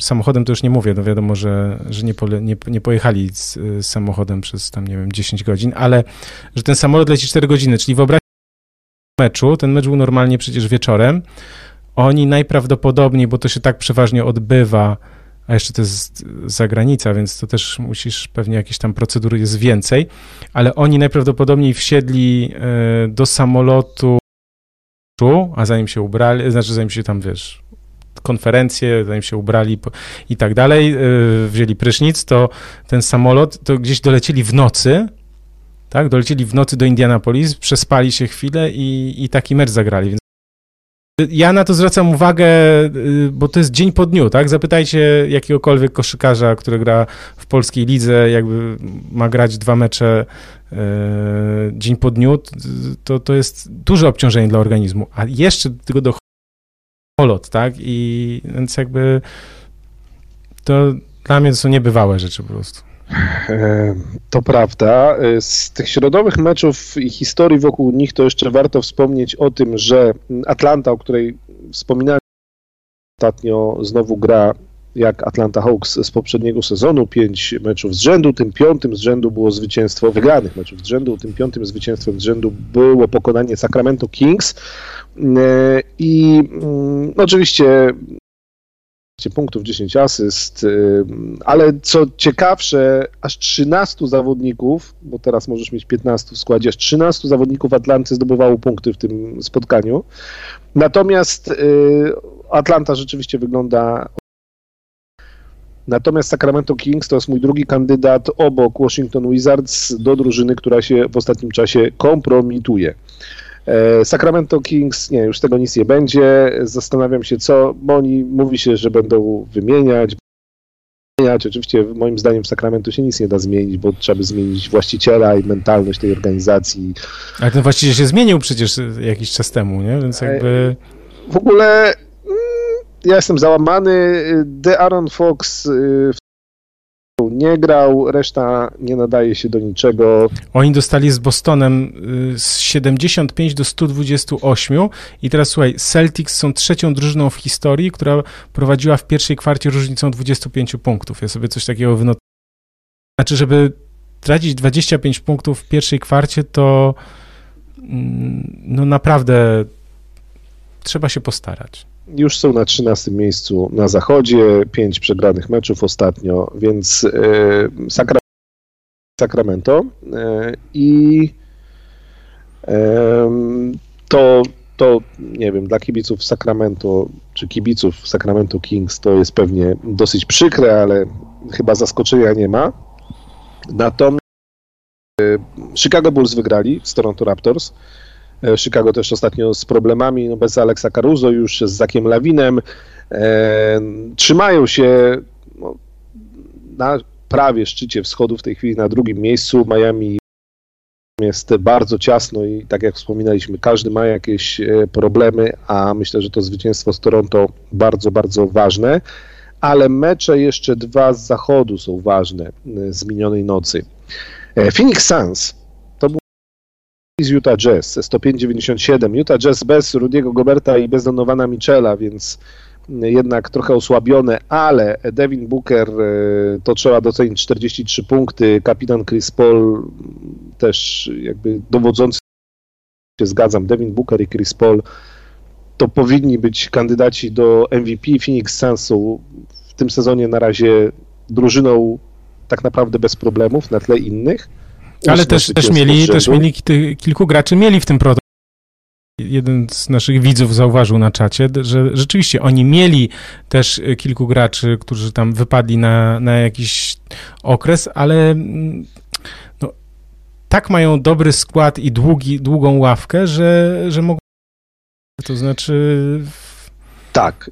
I dobra praca Jamesa Jonesa, który przedłużył kontrakt, czyli generalnego menedżera, kiedyś pamiętamy tak niezłego zadaniowca, chociażby u, boku, u boku LeBrona Jamesa, ale James Jones gość, y, który w roli generalnego menedżera spisuje się rewelacyjnie Phoenix Suns i ta drużyna rzeczywiście wygląda bardzo, bardzo dobrze i wygląda bardzo dobrze zbudowaną i y, jeśli ktoś tutaj twierdził, że Chris Paul tak dalej, to nie, to na razie spokojnie. Dopóki jest zdrowy, to. Kto tak twierdził? Kto ja tak nie twierdził? Wiem, nie wiem, nie znam, ale na razie, dopóki jest zdrowy, to, to jest totalnym generałem na parkiecie i Phoenix Suns wygląda na drużynę, która chciałaby poprzedniego sezonu i zawędrować do finału. E, no i jeszcze mecz e, Dallas Mavericks z Portland Trail Blazers, który też przyczynkiem chciałbym, żeby był do rozmowy chwilę o Mavs, bo no wspominałem tu trochę Golden State Warriors i to jest właśnie no to jest właśnie całe Dallas Mavericks. Przegrywają z Golden State Warriors, ile tam było? 130 do 92, 40 prawie punktami, a dzień później wygrywają 20 punktami 132-112 z Portland. Wiemy, w tym sezonie nie jest potęgą, ale to jest tak, jak Luka Doncic gra tak jak w meczu z Portland, czyli zalicza triple-double, jak e, Porzingis dodaje 22 punkty, jak oni e, grają zespołowo, chociaż bez Tima kontuzjowanego w tym meczu, e, to Dallas jest drużyną całkiem, całkiem przyzwoitą, no i oni są na piątym miejscu na zachodzie, jakby nie było, więc to też jest drużyna grająca falami. Luka Doncic ma lepsze momenty i Natomiast, natomiast Mavs e, gdzieś tam trzymają się w miarę blisko czołówki. Tak, no i, i Dallas Mavericks też planują jakiś, wykonać jakieś ruchy, tak, ale znaczy ostatnio gdzieś yy, pojawiła się też plotka, że, że będą chcieli może Johna Collinsa nawet ściągnąć z Atlanty, tak, to jest taki ruch, tylko że no Dallas też nie mają zbyt wielu zawodników do, zaproponowania, tak, więc to jest, tak, są, nie wiem, trudne, znaczy Mark Cuban myślę, że coś wymyśli, ty wiesz, Mark Cuban to jest zawsze taki, on zawsze, on zawsze coś wymyśla, nie, w sensie takim, że... No że... mi tam trochę, no nie wiem, no gdyby Porzingis wrócił do formy z czasów Nowego Jorku, znaczy, który rzeczywiście byłby opcją numer dwa obok Luki Doncicza w ataku w każdym meczu i do tego pobronił, mhm. e, no to może, ale też mi brakuje tam głębi składu, bo, bo tak naprawdę trzecią najważniejszą postacią okazuje się mm, właśnie Tim Hardaway. Który wypadł i chyba tak. No, tak, no akurat w tym meczu z Portland oni naprawdę wyglądali dobrze, natomiast y, wyglądają różnie i myślę, że tam jest trochę do zbudowania mocnej drużyny wokół Luki Doncicza, to paru mocnych ruchów Marka Cubana potrzeba. Bo tu Mateusz pyta, czym Dallas chcą handlować. No właśnie nie mają za bardzo y, czym handlować, ale tak się mówi, że oni by chcieli handlować. Tak, takie są gdzieś ploteczki. Yy, znaczy z obserwowaniem jego gry, bo to się, mam wrażenie, że to jest takie trochę jak taka sinusoida, to znaczy jak mu siedzi, to jest w ogóle wow, wspaniale i super i, i trafia i rozdaje zbiórki, asysty i tak dalej. Natomiast no jak mu coś nie idzie, jak mu mecz nie podejdzie, to to, to jest to, to przetrzymywanie piłki, to przeciąganie, to, to granie strasznie długo, na siłę mm, i do sędziów, to, to to się ciężko ogląda i tego się tak naprawdę no, nie chce się oglądać, tak? Więc jakby też myślę, że Luka Doncic też się musi trochę ogarnąć, bo trochę jest młodszy od nas, a wiesz, no mówiąc najogólniej. Tak, i oczywiście on też, y, bo zawsze te statystyki ma, ma niezłe. Powiedzmy, że w okolicach y, triple-double to, to zazwyczaj jest. Y, albo zalicza triple-double, albo. Natomiast ja właśnie sobie teraz sprawdzam, jak u niego wyglądają rzuty za trzy punkty, bo ja mam takie wrażenie, że no tak, w tym sezonie to jest 30%. No ja właśnie ale ta skuteczność rzutów za trzy Luki Doncicza to czasami jest słabiutka, no, znaczy dużo meczów. 30% takich, to jest słabo, jak na zawodnika, wiesz, który dużo... oddaje 8 rzutów za 3, wiesz, średnio, tak? To, to rzutów oddawanych, a 30% to, to jest, nie, nie, nie, to powinno być, wiesz, co najmniej 35, jak nie więcej, no. Jeśli no tyle rzutów też, oddajesz. Też mam takie wrażenie, właśnie te liczby to potwierdzają, jak oglądam e, Luka Doncicza, że wiesz, on 8 na przykład, 1 na 9, 2 na 7, no to za dużo jest takich, e, takich spotkań. Co by on tam nie robił? No oczywiście zdobywa najwięcej punktów, rozdaje asysty, bo jest najdłużej przy piłce, bo od niego Dallas Mavericks są uzależnieni, momentami też mnie gra Luki Doncicza irytuje i Myślę, że. Ale to też wynika z te, ze słabości Dallas. Jakby słabości tego, kogo ma dookoła. I to nie jest nowa historia, i wiemy, że to, żeby oczarować ligę dwójką Luka Doncic, Krzysztof Porzingis chyba raczej nie wypali, bo chyba raczej nie doczekamy się jednorożca ponownie w roli powiedzmy gościa na poziomie więc y, troszeczkę, troszeczkę mnie to jednak martwi, jako człowieka, który jednak Lukę Doncicza bardzo lubi i jego grę też, mimo że czasami... Krzyż, jest bardzo ważne pytanie. Jest tak. bardzo ważne pytanie od twojego imiennika. Panowie, bo mnie to od dawna męczy. Czy wy może wiecie, czemu NBA gra w nocy? Nie wiem, nie, nie wiem. Ciężko powiedzieć, ale tak jakoś jest. Nie wiem, ta tradycja taka świecka chyba. Ale szukam, szukam nie, słuchaj, szukam, żeby to z jakimś sucharem, no, ale po prostu, no, no niestety. Ale no. czasami gra w dzień. Czasami w niedzielę. Czasami taki wieczór. No e, tak. E, e, trzeba pojechać do Stanów Zjednoczonych i wtedy już nie gra w nocy. Kurczę, masz dla mnie jeszcze jakąś radę, wuju? Nie, nie wiem, zmieńmy temat, bo ten nie ma potencjału. Jeśli chodzi o suchary, ale to już sobie zostawmy. Jaka ulubiona postać w Tekenie? Ja grałem kiedyś w Tekena, to na PlayStation chyba jeden było, ale nie, nie pamiętam. Yy, Street Fighter, Mortal Kombat, to bardziej. Nad koszykówki, dobra. NBA Live 98. Podejrzewam, że połowa ludzi tutaj z czatu. Nawet się nie, nie było na świecie, czy zwołali Zorro na tego? No, tak? 8. Panie, kiedy to było? Dawno temu. Dobrze, czy coś jeszcze o tych meczach yy, środowych, żeby tak nawiązać? Jeszcze coś byśmy chcieli poruszyć? Poczekaj, ja też sprawdzę. O, dzieci śpią w nocy, dlatego. To, jest, to jest podpowiedź z y, czatu, no. no. Oczywiście, no to jest jakby... Tak było, no w sensie to... Tak. Yy, dobra. Mam w takim razie taki ciekawy Y, ciekawy temat, ciekawy wątek i y, najpierw go troszkę zajawię, bo słuchajcie, Mateusz napisał do mnie. Mateusz? Poczekajcie, muszę sobie znaleźć. Nie, Sylwester napisał do mnie, bo Mateusz też do mnie napisał, ale z innym pytaniem. Natomiast Sylwester zapytał, te, zapytał o to, czy wiemy to się rozkłada, jeśli chodzi o mecze wschód-zachód. Nie chodzi o mecze gwiazd, tylko chodzi o mecze Pomiędzy drużyn, drużynami. Pomiędzy znaczy- drużynami ze wschodu i z zachodu. I teraz poprosimy taką magiczną grafikę. Zobaczcie, jest taka sobie grafika. E, normalnie, jeśli mamy sezon normalny, czyli jest 82 e, mecze, to tych meczów e, między drużynami ze wschodu a zachodu jest 260. Hmm.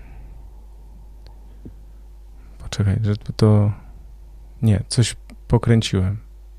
450? Dobrze, może zostawmy matematykę i tym, y, co mamy, a widać wyraźnie, że zdecydowanie częściej no i to nie jest przypadek, gdy mówimy, że Zachód jest mocniejszy. No jest, bo jak y, popatrzymy na rywalizację drużyn z Zachodu z drużynami ze Wschodu, to kaszelek coś mnie bierze, e, to e, no widzimy jest sezon 2008-9, wtedy z Orlando Magic, Dwightem Howardem i Cleveland Cavaliers mocnymi. E, i wtedy to był taki jedynaczek tutaj, kiedy drużyny ze wschodu wygrywały się musimy cofnąć do czasów Chicago Bulls, a tak, no to Zachód jest po prostu lepszy, no bo jest, bo wygrywa więcej meczów. Tak, ja nie wiem skąd mi się wzięło 260, sobie gdzieś tam zapisałem, a to, bo po prostu chyba zerknąłem na jakiś tam sezon 450. E, to byłem e, tak, i tu jest ta różnica też na tej grafice, widać tę różnicę w ostatniej kolumnie, to też zostanie opublikowane na ProBaskecie. W tym sezonie widzimy 137 do 131 dla zachodu, ale no rzeczywiście, ale zobacz też... Yy, jak, jaka, jaka, duża, znaczy jaka duża ta różnica, tak? W, sensie, no w tym sezonie jest niewielka. Tak w tym sezonie niewielka, ale w tych poprzednich, mhm. zobacz, 50, 40, 118, to już w ogóle 2013-2014, totalna y, dominacja. No, taka ciekawostka. Było takie pytanie, y, jest odpowiedź. Jest odpowiedź. Marcin znów, z, który prowadzi profil Crazy Stats, nam tutaj y, także dziękuję, bo to są jego wyliczenia. On mówi, że a, ja mówię, zadałem mu takie pytanie, a on mówi, a wiesz co, mam takie coś, tylko muszę zaktualizować i proszę bardzo. Także, e, także to jest taka e, ciekawostka i jutro też oczywiście będzie e, na ten temat postaram się artykuł skleić, żeby to też można było sobie zobaczyć, nie tylko tak na szybko, Um, oczywiście te wyjątki, bo tutaj też jest pytanie z wyjątkami, no bo pamiętamy, że też niektóre nazwijmy to kompletne, tak? Znaczy nie było 82 meczów. Um, bo był lockout na przykład. Tak, bo był na przykład lockout i to się zdarzało kilka razy. Ja mam tak zwany suchar na czasie, bo tutaj jest gry, czy w Sensible y, Soccer grałem i że to gra rządziła na Amidze, ja wiem, ale nie, bo gdyż wtedy, kiedy koledzy mieli Commodore oraz Amigi, ja miałem Pegasusa. Także uwaga. No to się wszystko nagrywa. To się wszystko nagrywa. Mm. Co my tu jeszcze mamy? E, na naszym czacie na zwycięzców poszczególnych konferencji. Nie, no na zachodzie Phoenix miałbym typować, y, to wyglądają najlepiej, a na wschodzie to moglibyśmy wziąć szkl- szklaną kulę. No, jak wszyscy będą zdrowi, to ja powiedziałbym, że mimo wszystko Brooklyn Nets, ale jak Kyrie Irving się zaszczepi. E, ale, ale przewidzieć, czy ja chciałem jeszcze chwilę, bo nie wiem, czy tak mhm. wyczerpaliśmy ten temat e, Jamesa Hardena, bo też do mnie kilka osób e, napisało, żebym spróbował wyjaśnić ten. E, dzisiaj, ja przed tygodniem napisałem jeszcze taki tekst, a dzisiaj Paweł Mazur też na ProBaskecie napisał też o właśnie o Hardenie, który mm, no zaczyna coś mówić takiego, trzeba, mm, żeby zrozumieć jego postawę, czy to, to skąd w ogóle te plotki się biorą, to trzeba mm, spojrzeć na to tak. On jako jedyny nie ma mistrzowskiego pierścienia z tej trójki z Irving i Durant, więc jemu zależy najbardziej. Y, Kevin Durant ma kontuzję, no to to są rzeczy, które nie, nie da się przeskoczyć, zdarzają się. Natomiast Kyrie Irving nie gra trochę trochę. No nie, nie gra z... Jest to jego... James Harden na konferencji po tym meczu z Lakers powiedział, że różne tam sytuacje, e, kontuzje, e, protokoły covidowe i on użył też takiego określenia or whatever. Takie cokolwiek, tylko to jest w, Ameryka w amerykańskim, to jest takie, to jest takie, nie wiem jak to dobrze, żeby to, żeby to takie no albo jakieś inne, inne bzdety, nie wiem, coś takiego, tak? W sensie takim, mhm. że i tutaj wiele osób zaczęło odczytywać to, że na to, że Kyrie Irving tak zrobił, taką podjął decyzję, że nie tak się umawiali. Pojawiły się informacje o tym, że pogoda w Nowym Jorku mu tak nie do końca odpowiada, bo w Teksasie jednak cieplej. To jest, to Słuchaj, jak masz tam zimą siedzieć, a możesz w ciepełku, albo jest przynajmniej jakoś tam przyjemnie zimą, to, to też jest różnica. Podatek jest, słuchaj, trzeba pamiętać, że w Teksasie nie ma podatku, czy tam jest taki jakiś w ogóle... Wiesz co, ja, ja w sprawę pogody to nie wierzyłem, e, że to jest taki do momentu, jak e, zobaczyłem e, dokument o Luku Longleyu, który po prostu jak jakąś traumę życiową wspominał czas w Minnesota Timberwolves. No ale stary, jak się gość wychował w Australii, gdzie no. praktycznie to, to przy, przenosiny do e, wiesz, Minneapolis, gdzie jest minus 20 albo minus 30 zimą, a przecież sezon NBA gra jesienią, zimą i potem kawałeczek wiosny można zaliczyć, to no to wiesz, no to nie dziwmy się też, tak? Ale to, no, to jest ważna kwestia, słuchaj, no bo to jest, słuchaj, no jednak to jest twoje życie i jak możesz grać gdzieś, gdzie jest przyjemnie, masz czasem dzień wolny, albo nawet jak jedziesz czy wracasz do domu, to to jest jakby inna no ale tak, słuchajcie, z tym Hardenem jest tak, że on odrzucił y, przedłużenie kontraktu y, przed sezonem, ma opcję zawodnika na jeszcze jeden sezon y, i może ją wykorzystać i wtedy może też na przedłużenie, natomiast on sobie zostawia furtkę, ponieważ y, nigdy nie był wolnym agentem, tak twierdzi, więc teraz chciałby sprawdzić, przetestować rynek. Tylko ja od razu mówię, że ten rynek bez tak zwanego szachermacher i bez du dużego czyszczenia tego, tego limitu płac, to mają y, trzy drużyny, będą miały latem, takie wolne, żeby podpisać z nim dobry kontrakt, tylko te, teraz uważaj. Detroit Pistons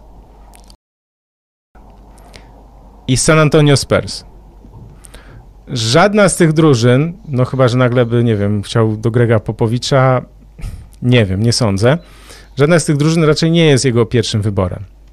Więc James furtkę, w przypadku, gdyby, nie wiem, oni odpadli na przykład w drugiej rundzie, to James Harden wykorzystuje tą swoją opcję zawodnika i robi tak zwane sign and trade.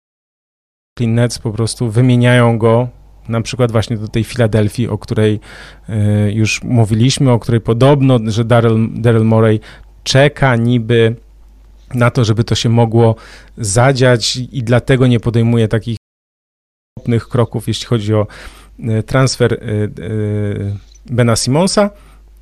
I to jest ciekawe, że Brooklyn Nets mogliby, no nie stracą, nie stracą wtedy Jamesa Hardena za darmo, i pewnie jeszcze jakiegoś zawodnika, może jakiś wybór w drafcie i tak dalej, i tak dalej. Więc to jest taka historia z, z Hardenem, bo, no bo kolejne osoby pytają, o co w tym wszystkim chodzi. Myślę, że chodzi też o to, że James Harden miał troszkę inne wyobrażenie na temat tego, jak to będzie wyglądać. To znaczy, że wydawało mu się, że to po prostu będzie dużo łatwiej, że będzie jak Miami. Z, kiedy LeBron James i Dwayne Wade i Chris Bosh się ze sobą spiknęli i zdecydowali na grę w Miami razem. I myślę, że to, że James Harden jest troszkę rozczarowany i też widzi to, że jak nie ma Irvinga i Duranta, to on trochę nie ma z kim grać, bo jeszcze jest kontuzjowany Joe Harris, tak? Pamiętajmy o tym, że to... Że to czasami być... piątka Brooklyn Nets, czy skład Brooklyn Nets to wygląda tak, że przecieram oczy kogo. Tak, tak, tak, tak, tak, tak, tak. No to jest... Yy... Okej, okay, no tam wiesz, no, no nie wiem, no to jest trudne w sensie, na, znaczy na pewno dla Hardena też jest trudne. Też jeszcze jedna, jeszcze jedna rzecz, yy, no bo tam, dobra, no jest yy, Nick Claxton, tak, w Brooklyn Nets, yy, może warto z nim grać, tak, dogrywać mu na dobręcz i tak dalej, ale to jest jakby, no, krótko, tak, krótko. Chciałem też powiedzieć jedną rzecz, że z Jamesem Hardenem może być też taka sytuacja, jak teraz jest z Johnem Wallem i z Russellem Westbrookiem za 2-3 lata. Bo on, jeśli zostanie w Nets, to podpisze chyba czteroletni kontrakt albo net i pięcio. Y, a on już też nie jest taki młody, więc y, może być taka sytuacja jak y, z, jak z Russellem Westbrookiem i, i z i z, z Johnem Wallem, że za dwa lata to już nie będzie, wiesz, tak e, w takiej optymalnej formie i drużyna może go na przykład, jakaś drużyna może go już nie chcieć, poza tym on też miewał problemy z kontuzjami, on ma taką budowę ciała, e, nazwijmy to, nie chcę mówić, że nie wiem, krem, jest y, przybity taki trochę, w sensie na, napakowany, ale, ale widać, że, że, że, że, ten, że masa może też y, mu przeszkadzać. Zresztą te, ta kontuzja, której on się nabawił to niektórzy twierdzą, że była spowodowana tym, że on się po prostu przed sezonem poprzednim zapuścił, yy, przytył bardzo po to, żeby go Houston Rockets wytransferowali. Myślał, że się ogarnie szybko, w sensie dojdzie do formy, a w, pamiętamy, że to też nie było takie proste i szybkie i łatwe i że po prostu no, to, to sprawiło, że ym, to obciążenie jego organizmu sprawiło, że miał po prostu w, zeszłym, w zeszłych playoffach kontuzję. Najmniej historii w stylu Johna Walla w przyszłości, w znaczeniu zostawiania koszykarzy z wielkimi kontraktami, kiedyś naprawdę świetnych, yy, poza drużyną i niegrających. Yy wydaje mi się, że e, James Harden.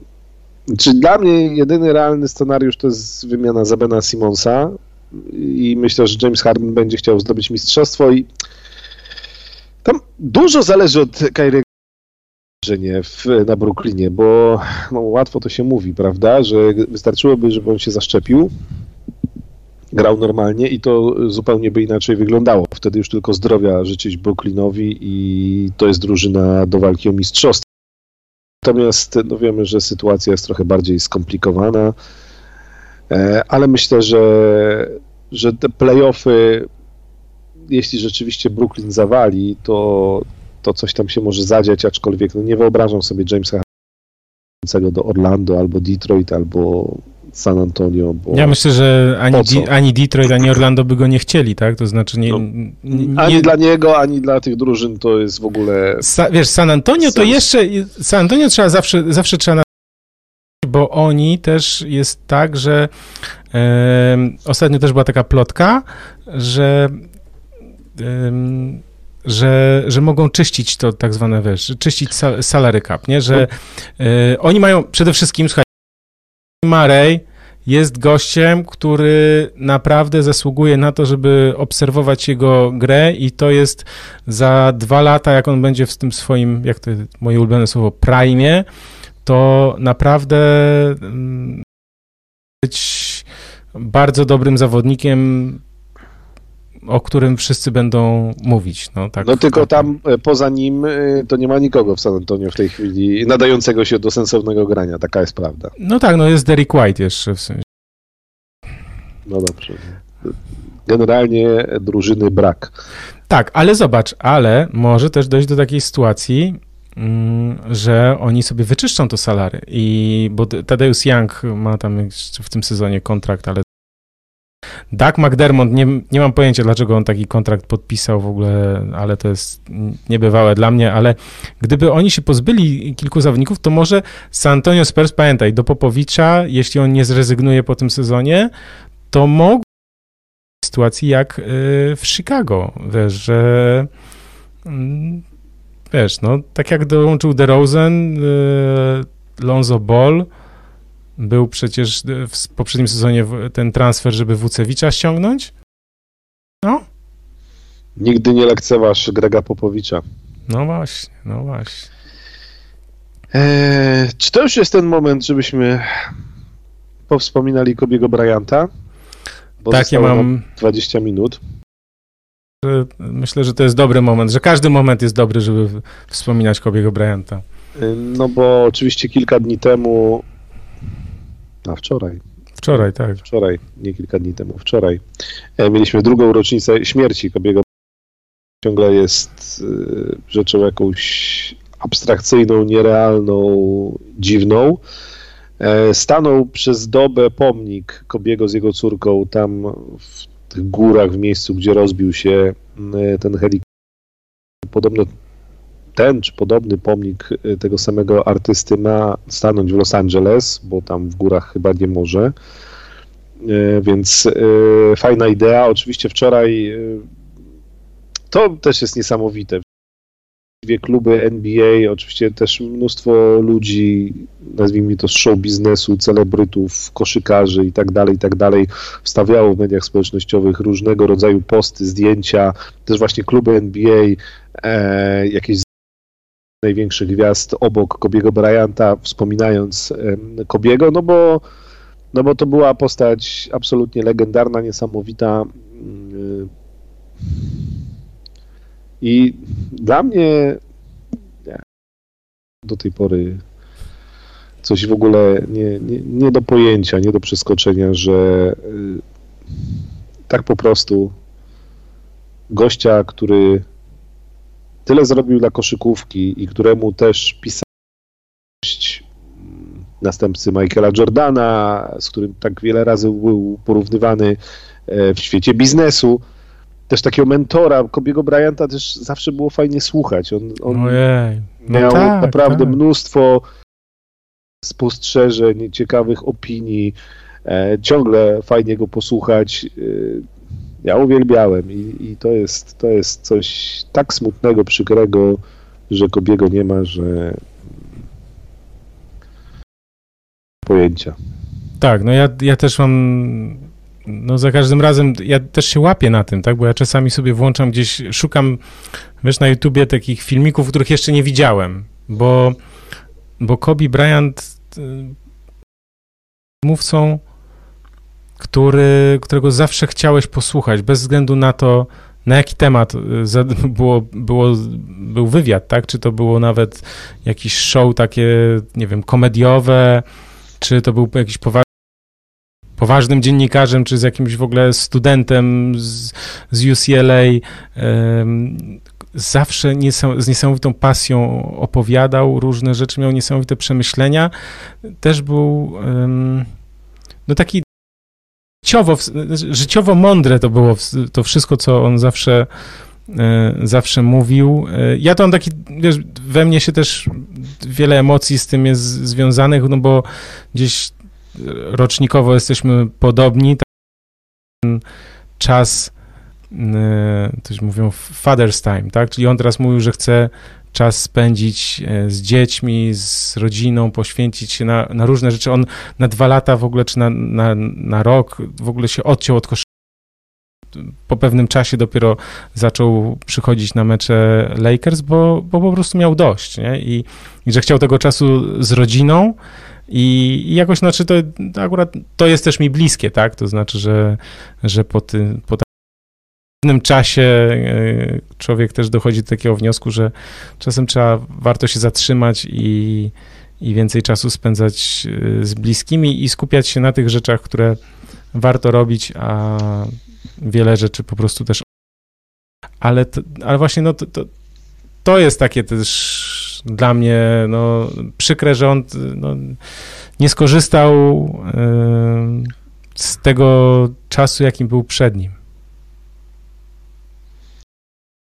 Tak, została e, Mamba Mentality, to też polecam, jak ktoś nie czytał i nie oglądał, bo to też genialne, genialne zdjęcia. Jego książka, zresztą Kobe Bryant, jak się za cokolwiek brał, to był perfekcjonistą, także po karierze koszykarskiej Oscara e, za film krótkometrażowy. E, ta książka o tytule Mamba Mentality też jest naprawdę, naprawdę świetna. Mentalność Mamby to myślę, że jest coś, co każdy sportowiec tak naprawdę powinien e, przez sobie dużo z tego wziąć do siebie. z Kobim Bryantem będziemy mieli dużo, dużo, mamy dużo wspomnień, no bo tak jak mówisz, on e, tak, no był mniej więcej w naszym czy od nas. E, dorastaliśmy jako dzieciaki z Michaelem Jordanem, natomiast w dorosłość wchodziliśmy razem z Kobim, który, który najpierw zdobywał jeszcze jako dzieciak tak naprawdę e, trzakiem, później z beznadziejną drużyną bił rekordy indywidualne, e, no a później po, po dołączeniu paru zawodników z Pau Gasolem na czele, już jako lider pełnoprawny, jedyny Los Angeles Lakers, kolejne dwa tytuły, więc Czykarska, absolutnie fenomenalna. Życie po karierze, jak co roku przy tej okazji robi się smutno. Tak, jest pytanie, ile mamy lat? Rocznikowo 41. Obaj. Dokładnie. W tym roku skończymy 41, więc 3 lata młodsi. Bylibyśmy od, od Kobiego Bryanta, gdyby, gdyby był. E, Michał to dziadu widać, ale krzychu. Nienaganna prezentacja. Tak, a słuchaj, a jak jeszcze od, odnośnie Kobiego, to ja mam takie, pamiętam, że takie, taką miałem myśl takie, y, dwa lata temu, że kurczę, że Kobi zawsze był, nie? W sensie, że jak weszliśmy w ten, tak jak powiedziałeś, tak, w dorosłość i, i Kobe Bryant zawsze był w NBA, to więc jakby kończył karierę, to też było takie dziwne, tak? Pamiętamy ten mecz niesamowity ostatni w jego karierze. W ogóle cały sezon ostatni. Tak, tak. tak. Objazdowy. Tak, tak, tak, to niesamowite. Natomiast ja mam takie wspomnienie, bo też yy, je yy, chciałem powiedzieć rok temu, ale mm, ale powiem, bo może nie wszyscy, yy, nie wszyscy słuchali, oglądali wtedy. Ja mam takie wspomnienie z Kobe Bryantem, ponieważ no, miałem okazję, nie wiem, przebywać z, z mieszczeniu, e, jak byłem właśnie na meczach w Los Angeles w 2011 roku. Niesamowita taka aura, jaka jest, jaka była wokół niego jako zawodnika, to znaczy, że ci nawet najpoważniejsi dziennikarze z ESPN stali grzeczni, jak po prostu trochę jak na audiencję. Kobi po meczu usiadł e, w w szatni na swoim miejscu, założył taki wielki szlafrok, który ja nazywałem, że taki gruby bardzo, to wygląda lewskie. Żartowałem sobie wtedy, że brakuje mu tylko berła i, i, i korony. I, i niesamowite te, to, jak, jakie ci inni dziennikarze z całego świata, bo tam, żeby dopchnąć się, wiecie, z dyktafonem, rękę wcisnąć, to było, to graniczyło z, z cudem. Natomiast ja potem miałem taką sytuację, że on wyszedł na łączenie e, na korytarzu, na takim telewizor taki przed nim był i on słuchawki założył, miał łączenie z TNT i tam sobie usiadł na krześle, sobie wyszedłem akurat na korytarz i tak sobie na niego y, popatrzyłem, nawet raz złapaliśmy kontakt wzrokowy, e, ale, ale to, to było dla mnie też takie ciekawe w sensie doświadczenie i żeby obserwować jego też jako y, to, jak się zachowuje, bo no, widzimy po prostu zawodników jako dziennikarze też przez lata, widzieliśmy też, jak się zachowują i tak dalej. I, i Kobi był rzeczywiście taki specyficzny, bardzo zamknięty, skupiony na, na tym wszystkim, co, co on robi. I takie miałem wspomnienie. Miło było tam wtedy pojechać, pamiętam, i, i, i to zobaczyć, no, a dla mnie też jakoś w sensie mam ogromny sentyment, no przecież można też powiedzieć, że, że no to ludzie codziennie, prawda, z, umierają, wie, wiemy, ale jakoś tak mamy, mamy sentyment do niego, no bo bo gdzieś tam chyba za, się w naszym życiu, tak? W sensie, że, że miał wpływ, nie wiem, na, na, nasze życie w jakiś sposób, mimo że był przecież koszykarzem z odległej NBA, to jednak e, nie tylko jego gra, ale też to, co właśnie, to, co mówiliśmy, że poza e, też te wszystkie wywiady, to, to myślę, że to pewien ślad zostawiło i, i, myślę, że jeśli ktoś chciałby wrócić na przykład do tych wywiadów, albo zobaczyć, posłuchać o czym my tutaj teraz mówimy, o co w ogóle chodzi, nie, nie oglądał, nie słuchał sobie tych wywiadów, to naprawdę e, polecam. Tak.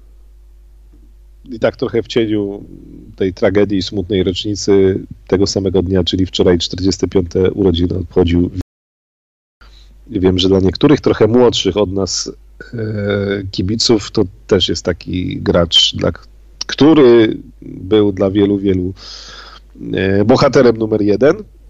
E, natomiast, natomiast jakiś taki smutniejszy jest świat bez Kobiego Bryanta, więc pół, co zrobić? Tak jest. My przypominamy, pamiętajcie, prosimy łapki w górę, żeby nam tutaj algorytm nas Google'a ładnie też innym, no bo taki jest nasz cel, że jak już siedzimy, nagrywamy, coś opowiadamy, to, y, to chcielibyśmy, żeby jak najwięcej osób to oglądało. Y, my się spotkamy za dwa tygodnie. Tego, słuchajcie, idealnie to wypada. Tak to załatwiłem, Krzychu. Załatwiłem. Nie no, Czy... brawo, no. Idealnie. brawa. Tak jest. Fanfary, fanfary okolicznościowe. 10, słuchajcie, spotkamy się za 2 lutego o godzinie 21 na YouTubie i akurat 10 lutego o godzinie 21 naszego czasu jest zamknięcie okienka transferowego w NBA. Więc ja mam nadzieję, to już ty musisz załatwić, żeby tam się coś zadziało. A spokojnie, zadzwonimy, gdzie trzeba. No, wyślij parę SMS-ów. Spoko. Ja w tajemnicy powiem, że dzień później Michał będzie miał. No, oczekuję. Oczekuję Także tutaj przygotujcie, tortu. przygotujcie fanfary i życzenia. A ja mam jeszcze jedną, jedną rzecz, y, bo ty już proszę tutaj zapowiedzi, że za dwa no. tygodnie i w ogóle. Na... Dzisiaj w nocy y, ogłoszenie pierwszych piątek meczu gwiazd na TNT. E, więc to po pierwsze, a po drugie NBA ogłosiło zmianę formatu tak zwanego meczu debiutantów, chociaż on już nie do końca jest meczem debiutantów, jest meczem debiutantów. E, będzie w tym sezonie podczas tego weekendu gwiazd właściwie mini turniej, w którym... Właśnie, Wy, wytłumacz o co chodzi, bo ja na a razie... to nawet jeszcze... wygląda, powiem ci, nieźle, bo tak? mecz debiutantów to tak... Ja to gwiazd w ogóle mam tak zwane ambiwalentne uczucia co do tego, to ten mecz debiutantów to, to nigdy mi się nie chciało oglądać. Natomiast e, w tym roku wymyślili coś, co może, może rzeczywiście być fajne. Drużyny po siedmiu zawodników, a więc w sumie będziemy mieli dwu, 12 e, debiutantów, rzeczywiście rookies, 12 drugoroczniaków, czterech graczy z G League po raz pierwszy w historii, E, więc 24, 8, 28 zawodników podzielonych na cztery drużyny po siedmiu będzie ze sobą rywalizować no, w takim mini turnieju półfinały i zwycięskie drużyny grają w finale. W półfinałach gramy do nie na czas, tylko do 25 punktów, jak się grało prawilnie na boiskach asfaltowych i w szkole i tak dalej. Oraz finał do 50 punktów, to 50 plus 25, oczywiście 75-lecie ligi, więc taki format, powiem Ci, który mnie nawet przekonuje i może nawet trochę rywalizacji będzie, bo zabawy to przynajmniej gracze na parkiecie będą mieli dużo, będzie się to dało oglądać. Tak, mecz tutaj Karol, słuchaj, złapał cię za słówko, że nie mecz y, debiutantów, tylko wschodzących tak, gwiazd.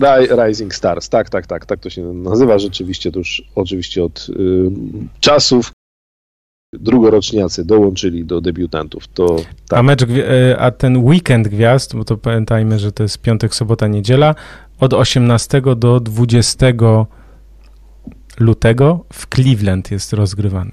Będzie rozgrywany. No i właśnie 20 lutego. Ale e... Krzysiu, jest jeszcze pytanie bardzo ważne, słuchaj, bo czy, czy dzisiaj pudelka nie będzie?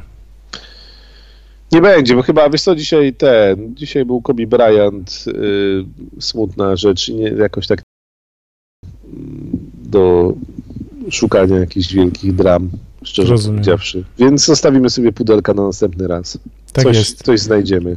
E, tutaj, a, Tekken, zobacz jaki, jaki ten, 666 Tekken, prosi, żebyśmy Słuchajcie, ze względów e, logistyczno-operacyjnych, tak jak mówiliśmy kiedyś, nie jest to możliwe w trakcie sezonu, natomiast y, w playoffach, no to nie tak jak w zeszłym roku, żeśmy się widzieli przez, znaczy co tydzień się Myślę, że w tych playoffach też mm, też będziemy się widywać co tydzień. Przynajmniej spróbujemy. Nie, no słuchaj, chyba damy radę, no. Chyba tak nie do końca nam wyszło w tych poprzednich, ale dobra, no. No, tam staraliśmy się, słuchaj. Najważniejsze, najważniejsze staranie, wiesz, to tak jak w, w, obronie, jak ci w ataku nie idzie, to w obronie możesz się postarać przynajmniej, no więc jakby ten, ten, to zaangażowanie jest najważniejsze, ale też ja mam takie poczucie, ponieważ my chcemy się spotykać, no bo jak już się spotykamy, to już gadamy, gadamy, gadamy i też jest trochę tak, że że trochę się dublujemy, czy powtarzamy w sensie niektóre rzeczy, które mówiliśmy dwa tygodnie temu i myślę, że też by się często zdarzało no, tak, Słuchajcie, że... czy chcecie co tydzień słuchać o Los Angeles Lakers? I o... I o LeBronie Jamesie? Nie, no właśnie, to byłoby za nudne, no.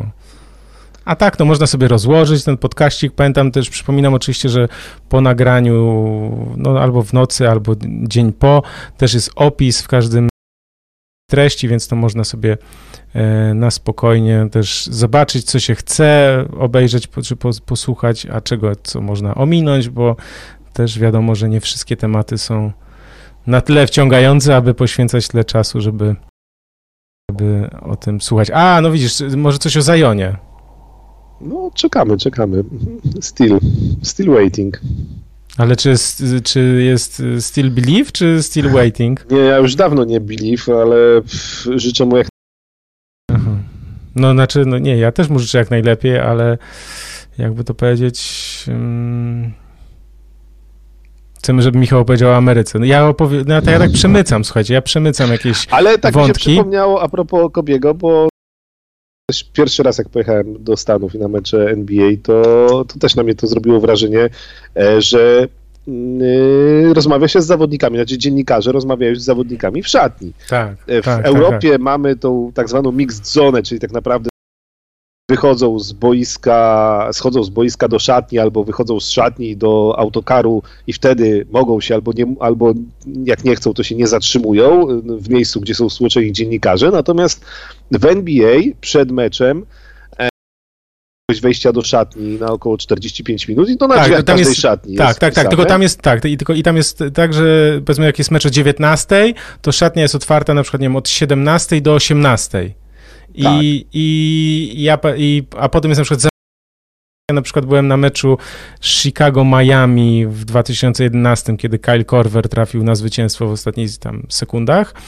I LeBron James nie grał, ponieważ skręcił kostkę w meczu wcześniejszym tam z Clippersami, no gdzieś tam.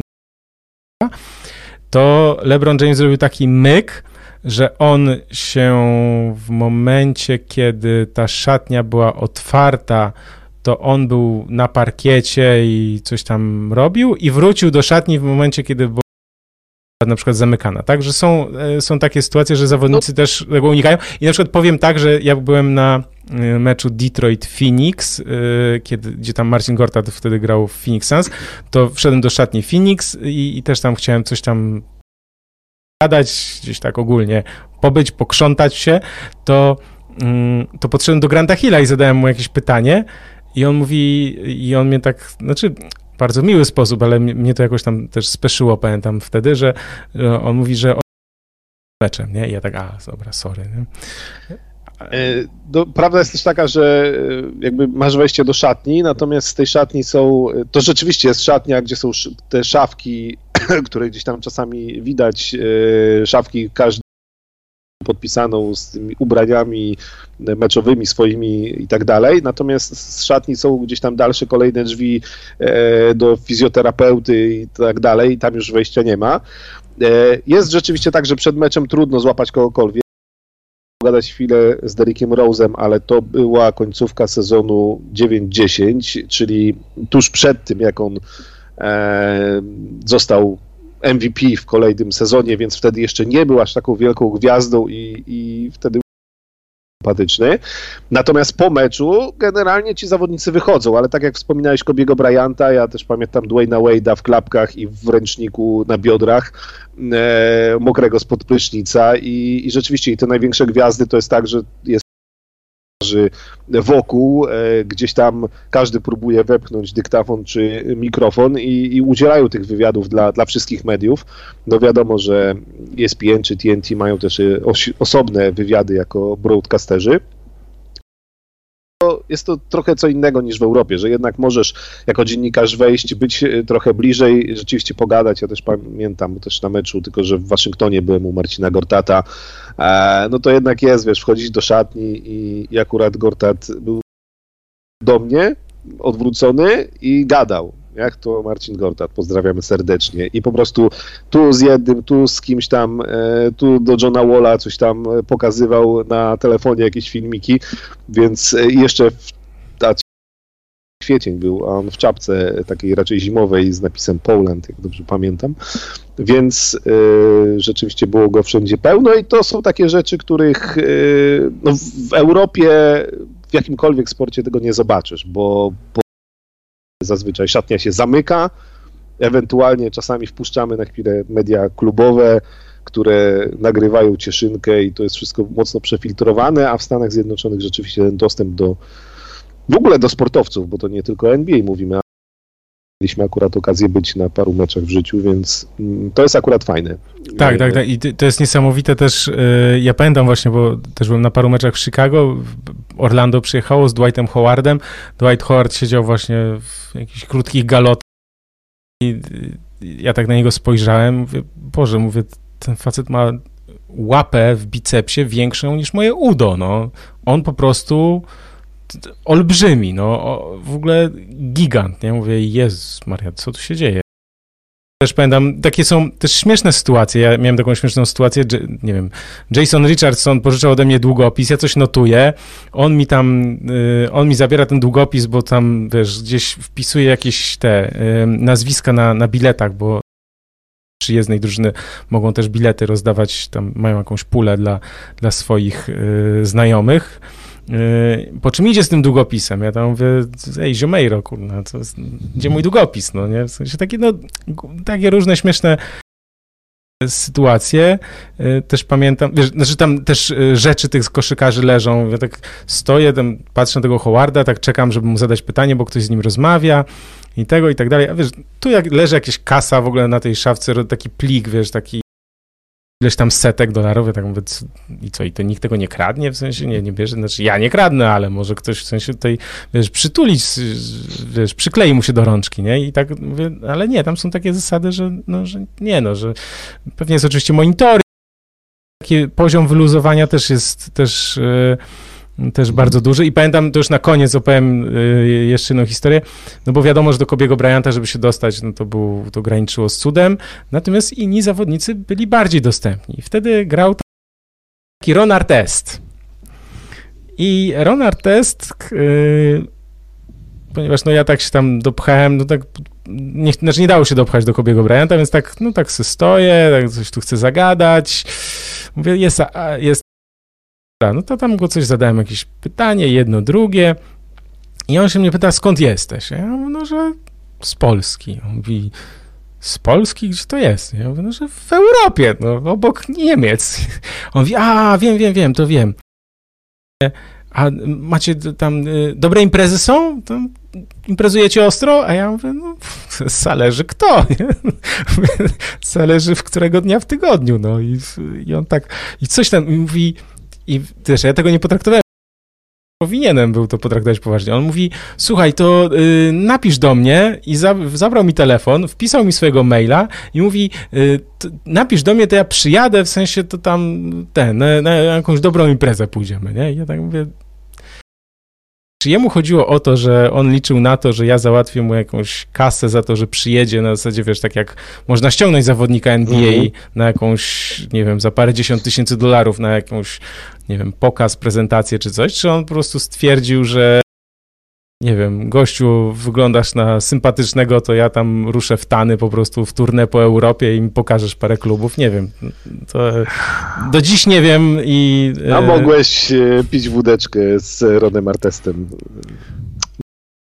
Nie, a takich historii jest tak. Znaczy generalnie zawsze oczywiście temat gdzieś tam polski się pojawiał, także jak e, no, gdzieś spotykałeś tych ludzi, czy z obsługi każdej hali, ja pamiętam, jak mnie w Waszyngtonie piętro windą wiózł e, jeden z dziennikarzy tam waszyngtońskich, e, no bo jakby nie do końca się orientowałem w terenie, swoją drogą winda na szóste piętro w hali, bo siedziałem tam akurat na samej górze.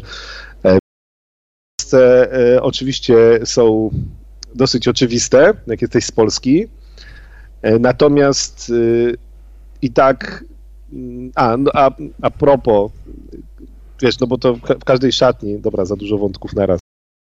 Rzeczy mówisz. E, w każdej szatni masz te gwiazdy, z którymi może trudniej pogadać, ale rzeczywiście te mniejsze gwiazdy są dostępne, tak jak Ron Artes. To tak, ja też, będąc w Nowym Jorku, miałem chwilę okazję porozmawiać e, z Tracy McGrady'm niejakim. Już to wybitna postać. Kończył karierę nie, niezbyt chlubnie w Nowym Jorku. E, e, to, to jest, no to, to są oczywiście fajne, fajne historie, ale jeszcze miałem jeden wątek. Ha, no i co? Co ja jeszcze miałem powiedzieć? O czym ty jeszcze mówiłeś? No nie wiem, no, mm, mówiłeś o windzie, no o tym... Dobra, winda i Tracy McGrady. Generalnie tak, generalnie fajnie jest pojechać do jak to, jak to wszystko wygląda e, z bliska, bo to jest jednak zupełnie inna rzeczywistość. Nie takich opowieści, bo tutaj mm, mamy komentarz, że może kiedy byśmy, kiedyś byśmy odcinek zrobili z, o backstage'ach.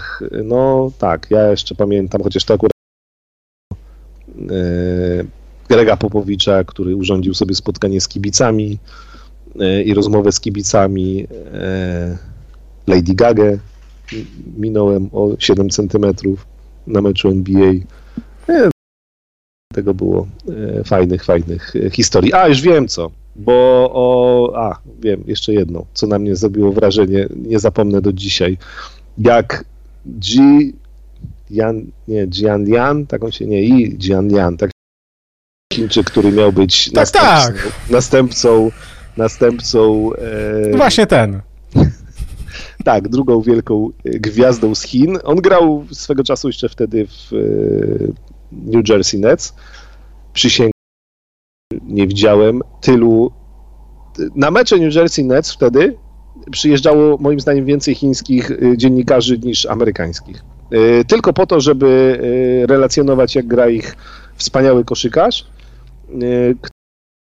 tam na ławce rezerwowych. Więc y, tam jest naprawdę dużo, dużo fajnych y, historii do opowiedzenia, backstage'y tak zwanych. Może kiedyś poopowiadamy jeszcze. Tak, no umówimy się na taki Q&A, powtórzymy te, te teraz.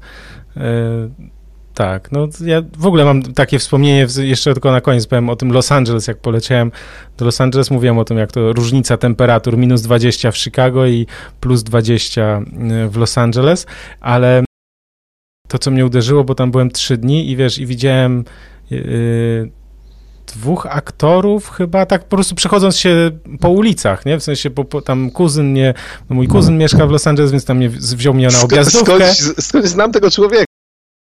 Ej, kurde, skąd? I tak wiesz, mówię, i mówię, wow, to jest ten taki aktor, w sensie już teraz nawet nie pamiętam, bo to nie jakiś bardzo znany aktor, tak? W sensie z jakiegoś serialu go kojarzyłem i, i potem sobie wygooglałem. Potem widziałem y, tego Citroena, taki samochód y, z Mentaliście, tam akurat kręcili taki serial Mentalista i ten główny bohater jeździł takim charakterystycznym Citroenem, widziałem akurat, akurat to kręcili i nie wiem, i na przykład y, szliśmy w Malibu i szła pani, która występowała w Korei Zelda, takim serialu, nie? więc jakby, jakby tam dłużej pobyć, to, stary, to, to naprawdę, wiesz, po prostu spotykasz tych ludzi wszędzie, nie?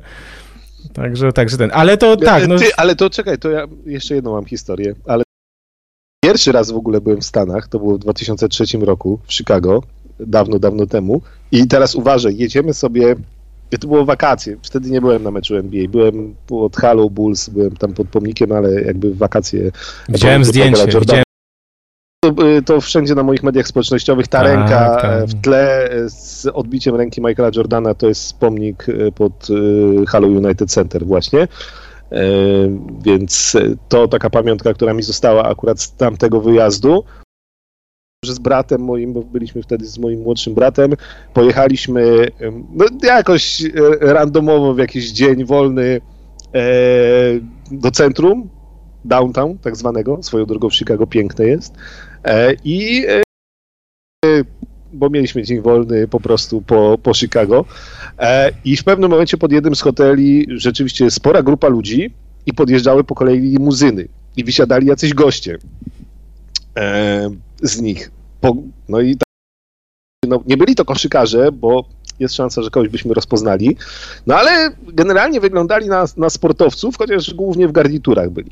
No i okazało się, że e, wtedy w Chicago odbywał się mecz gwiazd MLB, a więc baseballa e, i na moment, kiedy wszyscy po kolei, wszystkie gwiazdy baseballowe zjeżdżały e, do hotelu i było tam spore zamieszanie, ale niestety E, niestety futbol amerykański to jeszcze, jeszcze trochę tam kojarzę. Ja wolę baseball. Baseball, no niestety nie, nie, nie, więc można powiedzieć, że trochę przegapiłem okazję, która pewnie dla przeciętnego Amerykanina byłaby czymś mega super, żeby sobie zabrać jakiś autograf wtedy bardziej, bo chyba nie selfie to wtedy na pewno nie było, bo zdjęć, więc, y, więc tak. No, ja mam teraz mi jeszcze przychodziły do głowy, także mam e, kolejne historie, ale to tak jak mówię, zostawimy sobie na jakiegoś takiego Q&A, a może, a może słuchaj, może jak się sprężymy, pewnie nie, znaczy za dwa tygodnie pewnie nie, ale może jeszcze w trakcie sezonu, na przykład jakbyśmy tam jedną godzinkę na to poświęcili, takich opowieści różnych, to może czemu nie, no to jest, wiesz, może...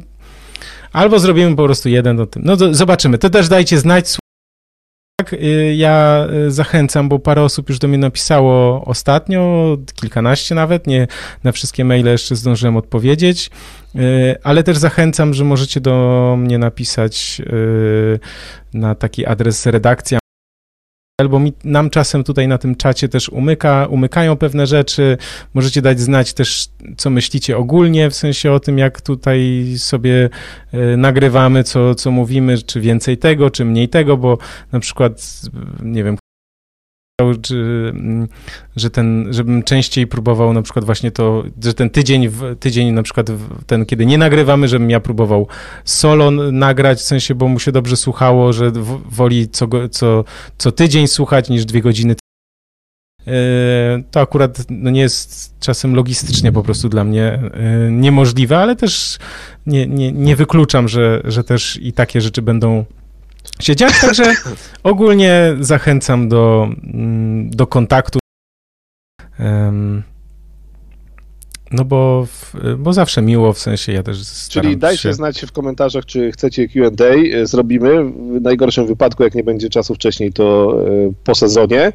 Natomiast, powtarza się tutaj jako dziennikarze, czy jako dziennikarze byli, tak, jako dziennikarze byliśmy w Stanach Zjednoczonych. Tak, tak, tak. tak. E, ja byłem z Orange Sport, taka nieistniejąca już niestety telewizja. Byłem Razem tam komentowaliśmy mecze. E, ale nie wiem, ale nie, a nie, czekaj. No to oczywiście, że NBA. tylko nie ze Stanów, ale ze studia w Warszawie, ale był taki no czas, tak. że w Orange też mecze NBA były. E, natomiast też byłem właśnie z Orange Sport, byłem też z Radia Z, e, gdzie też pracowałem. Brawo. Tak, a Michał był z Onetu, jak się nie mylę. Tak, z Onetu, ale teraz już bym probasket, na probasket, na blachę probasket też już bym wszedł, mam wspaniały kontakt tutaj z panią z NBA Europe, także też bez problemu, że by się to dało zrobić, no tylko słuchajcie, czekamy aż, aż pandemia się skończy i wtedy, i wtedy, Krzysiu, ruszamy po prostu do Ameryki, no. Tak, zdecydowanie za ja... dawno nie było, ja już 4 lata nie byłem. Za długo, a Stany to jednak jest kraj, który warto od czasu do czasu odwiedzić. My tu sobie z kolegą latamy. To był Himilsbach Maklakiewicz. Dobra, e, słuchajcie, dziękujemy wam bardzo. Przyciągnęliśmy, tu już mnie realiz... O Jezus Słuchaj, ja nie wiem, czy dojadę do domu. E... Staćcie na samoloty do Los Angeles, staćcie na zapłacenie za studio Blaszak, które polecamy i w którym nagrywamy. Znaczy dzisiaj Michał nagrywał, ja byłem e, w studiu swoim w domu. Tak jest. Przypominamy, że 10 lutego, czyli za dwa tygodnie, akurat idealnie o 21 jest koniec e, okienka transferowego, także e, wtedy się widzimy. Tak jest? Tak jest. Dobra. Krzysztof Sendecki był tutaj e, okienku po lewej stronie, po prawej stronie Michał Pacuda, czyli ja. Bardzo dziękujemy. Do zobaczenia, do usłyszenia. Trzymajcie się ciepło, bądźcie zdrowi.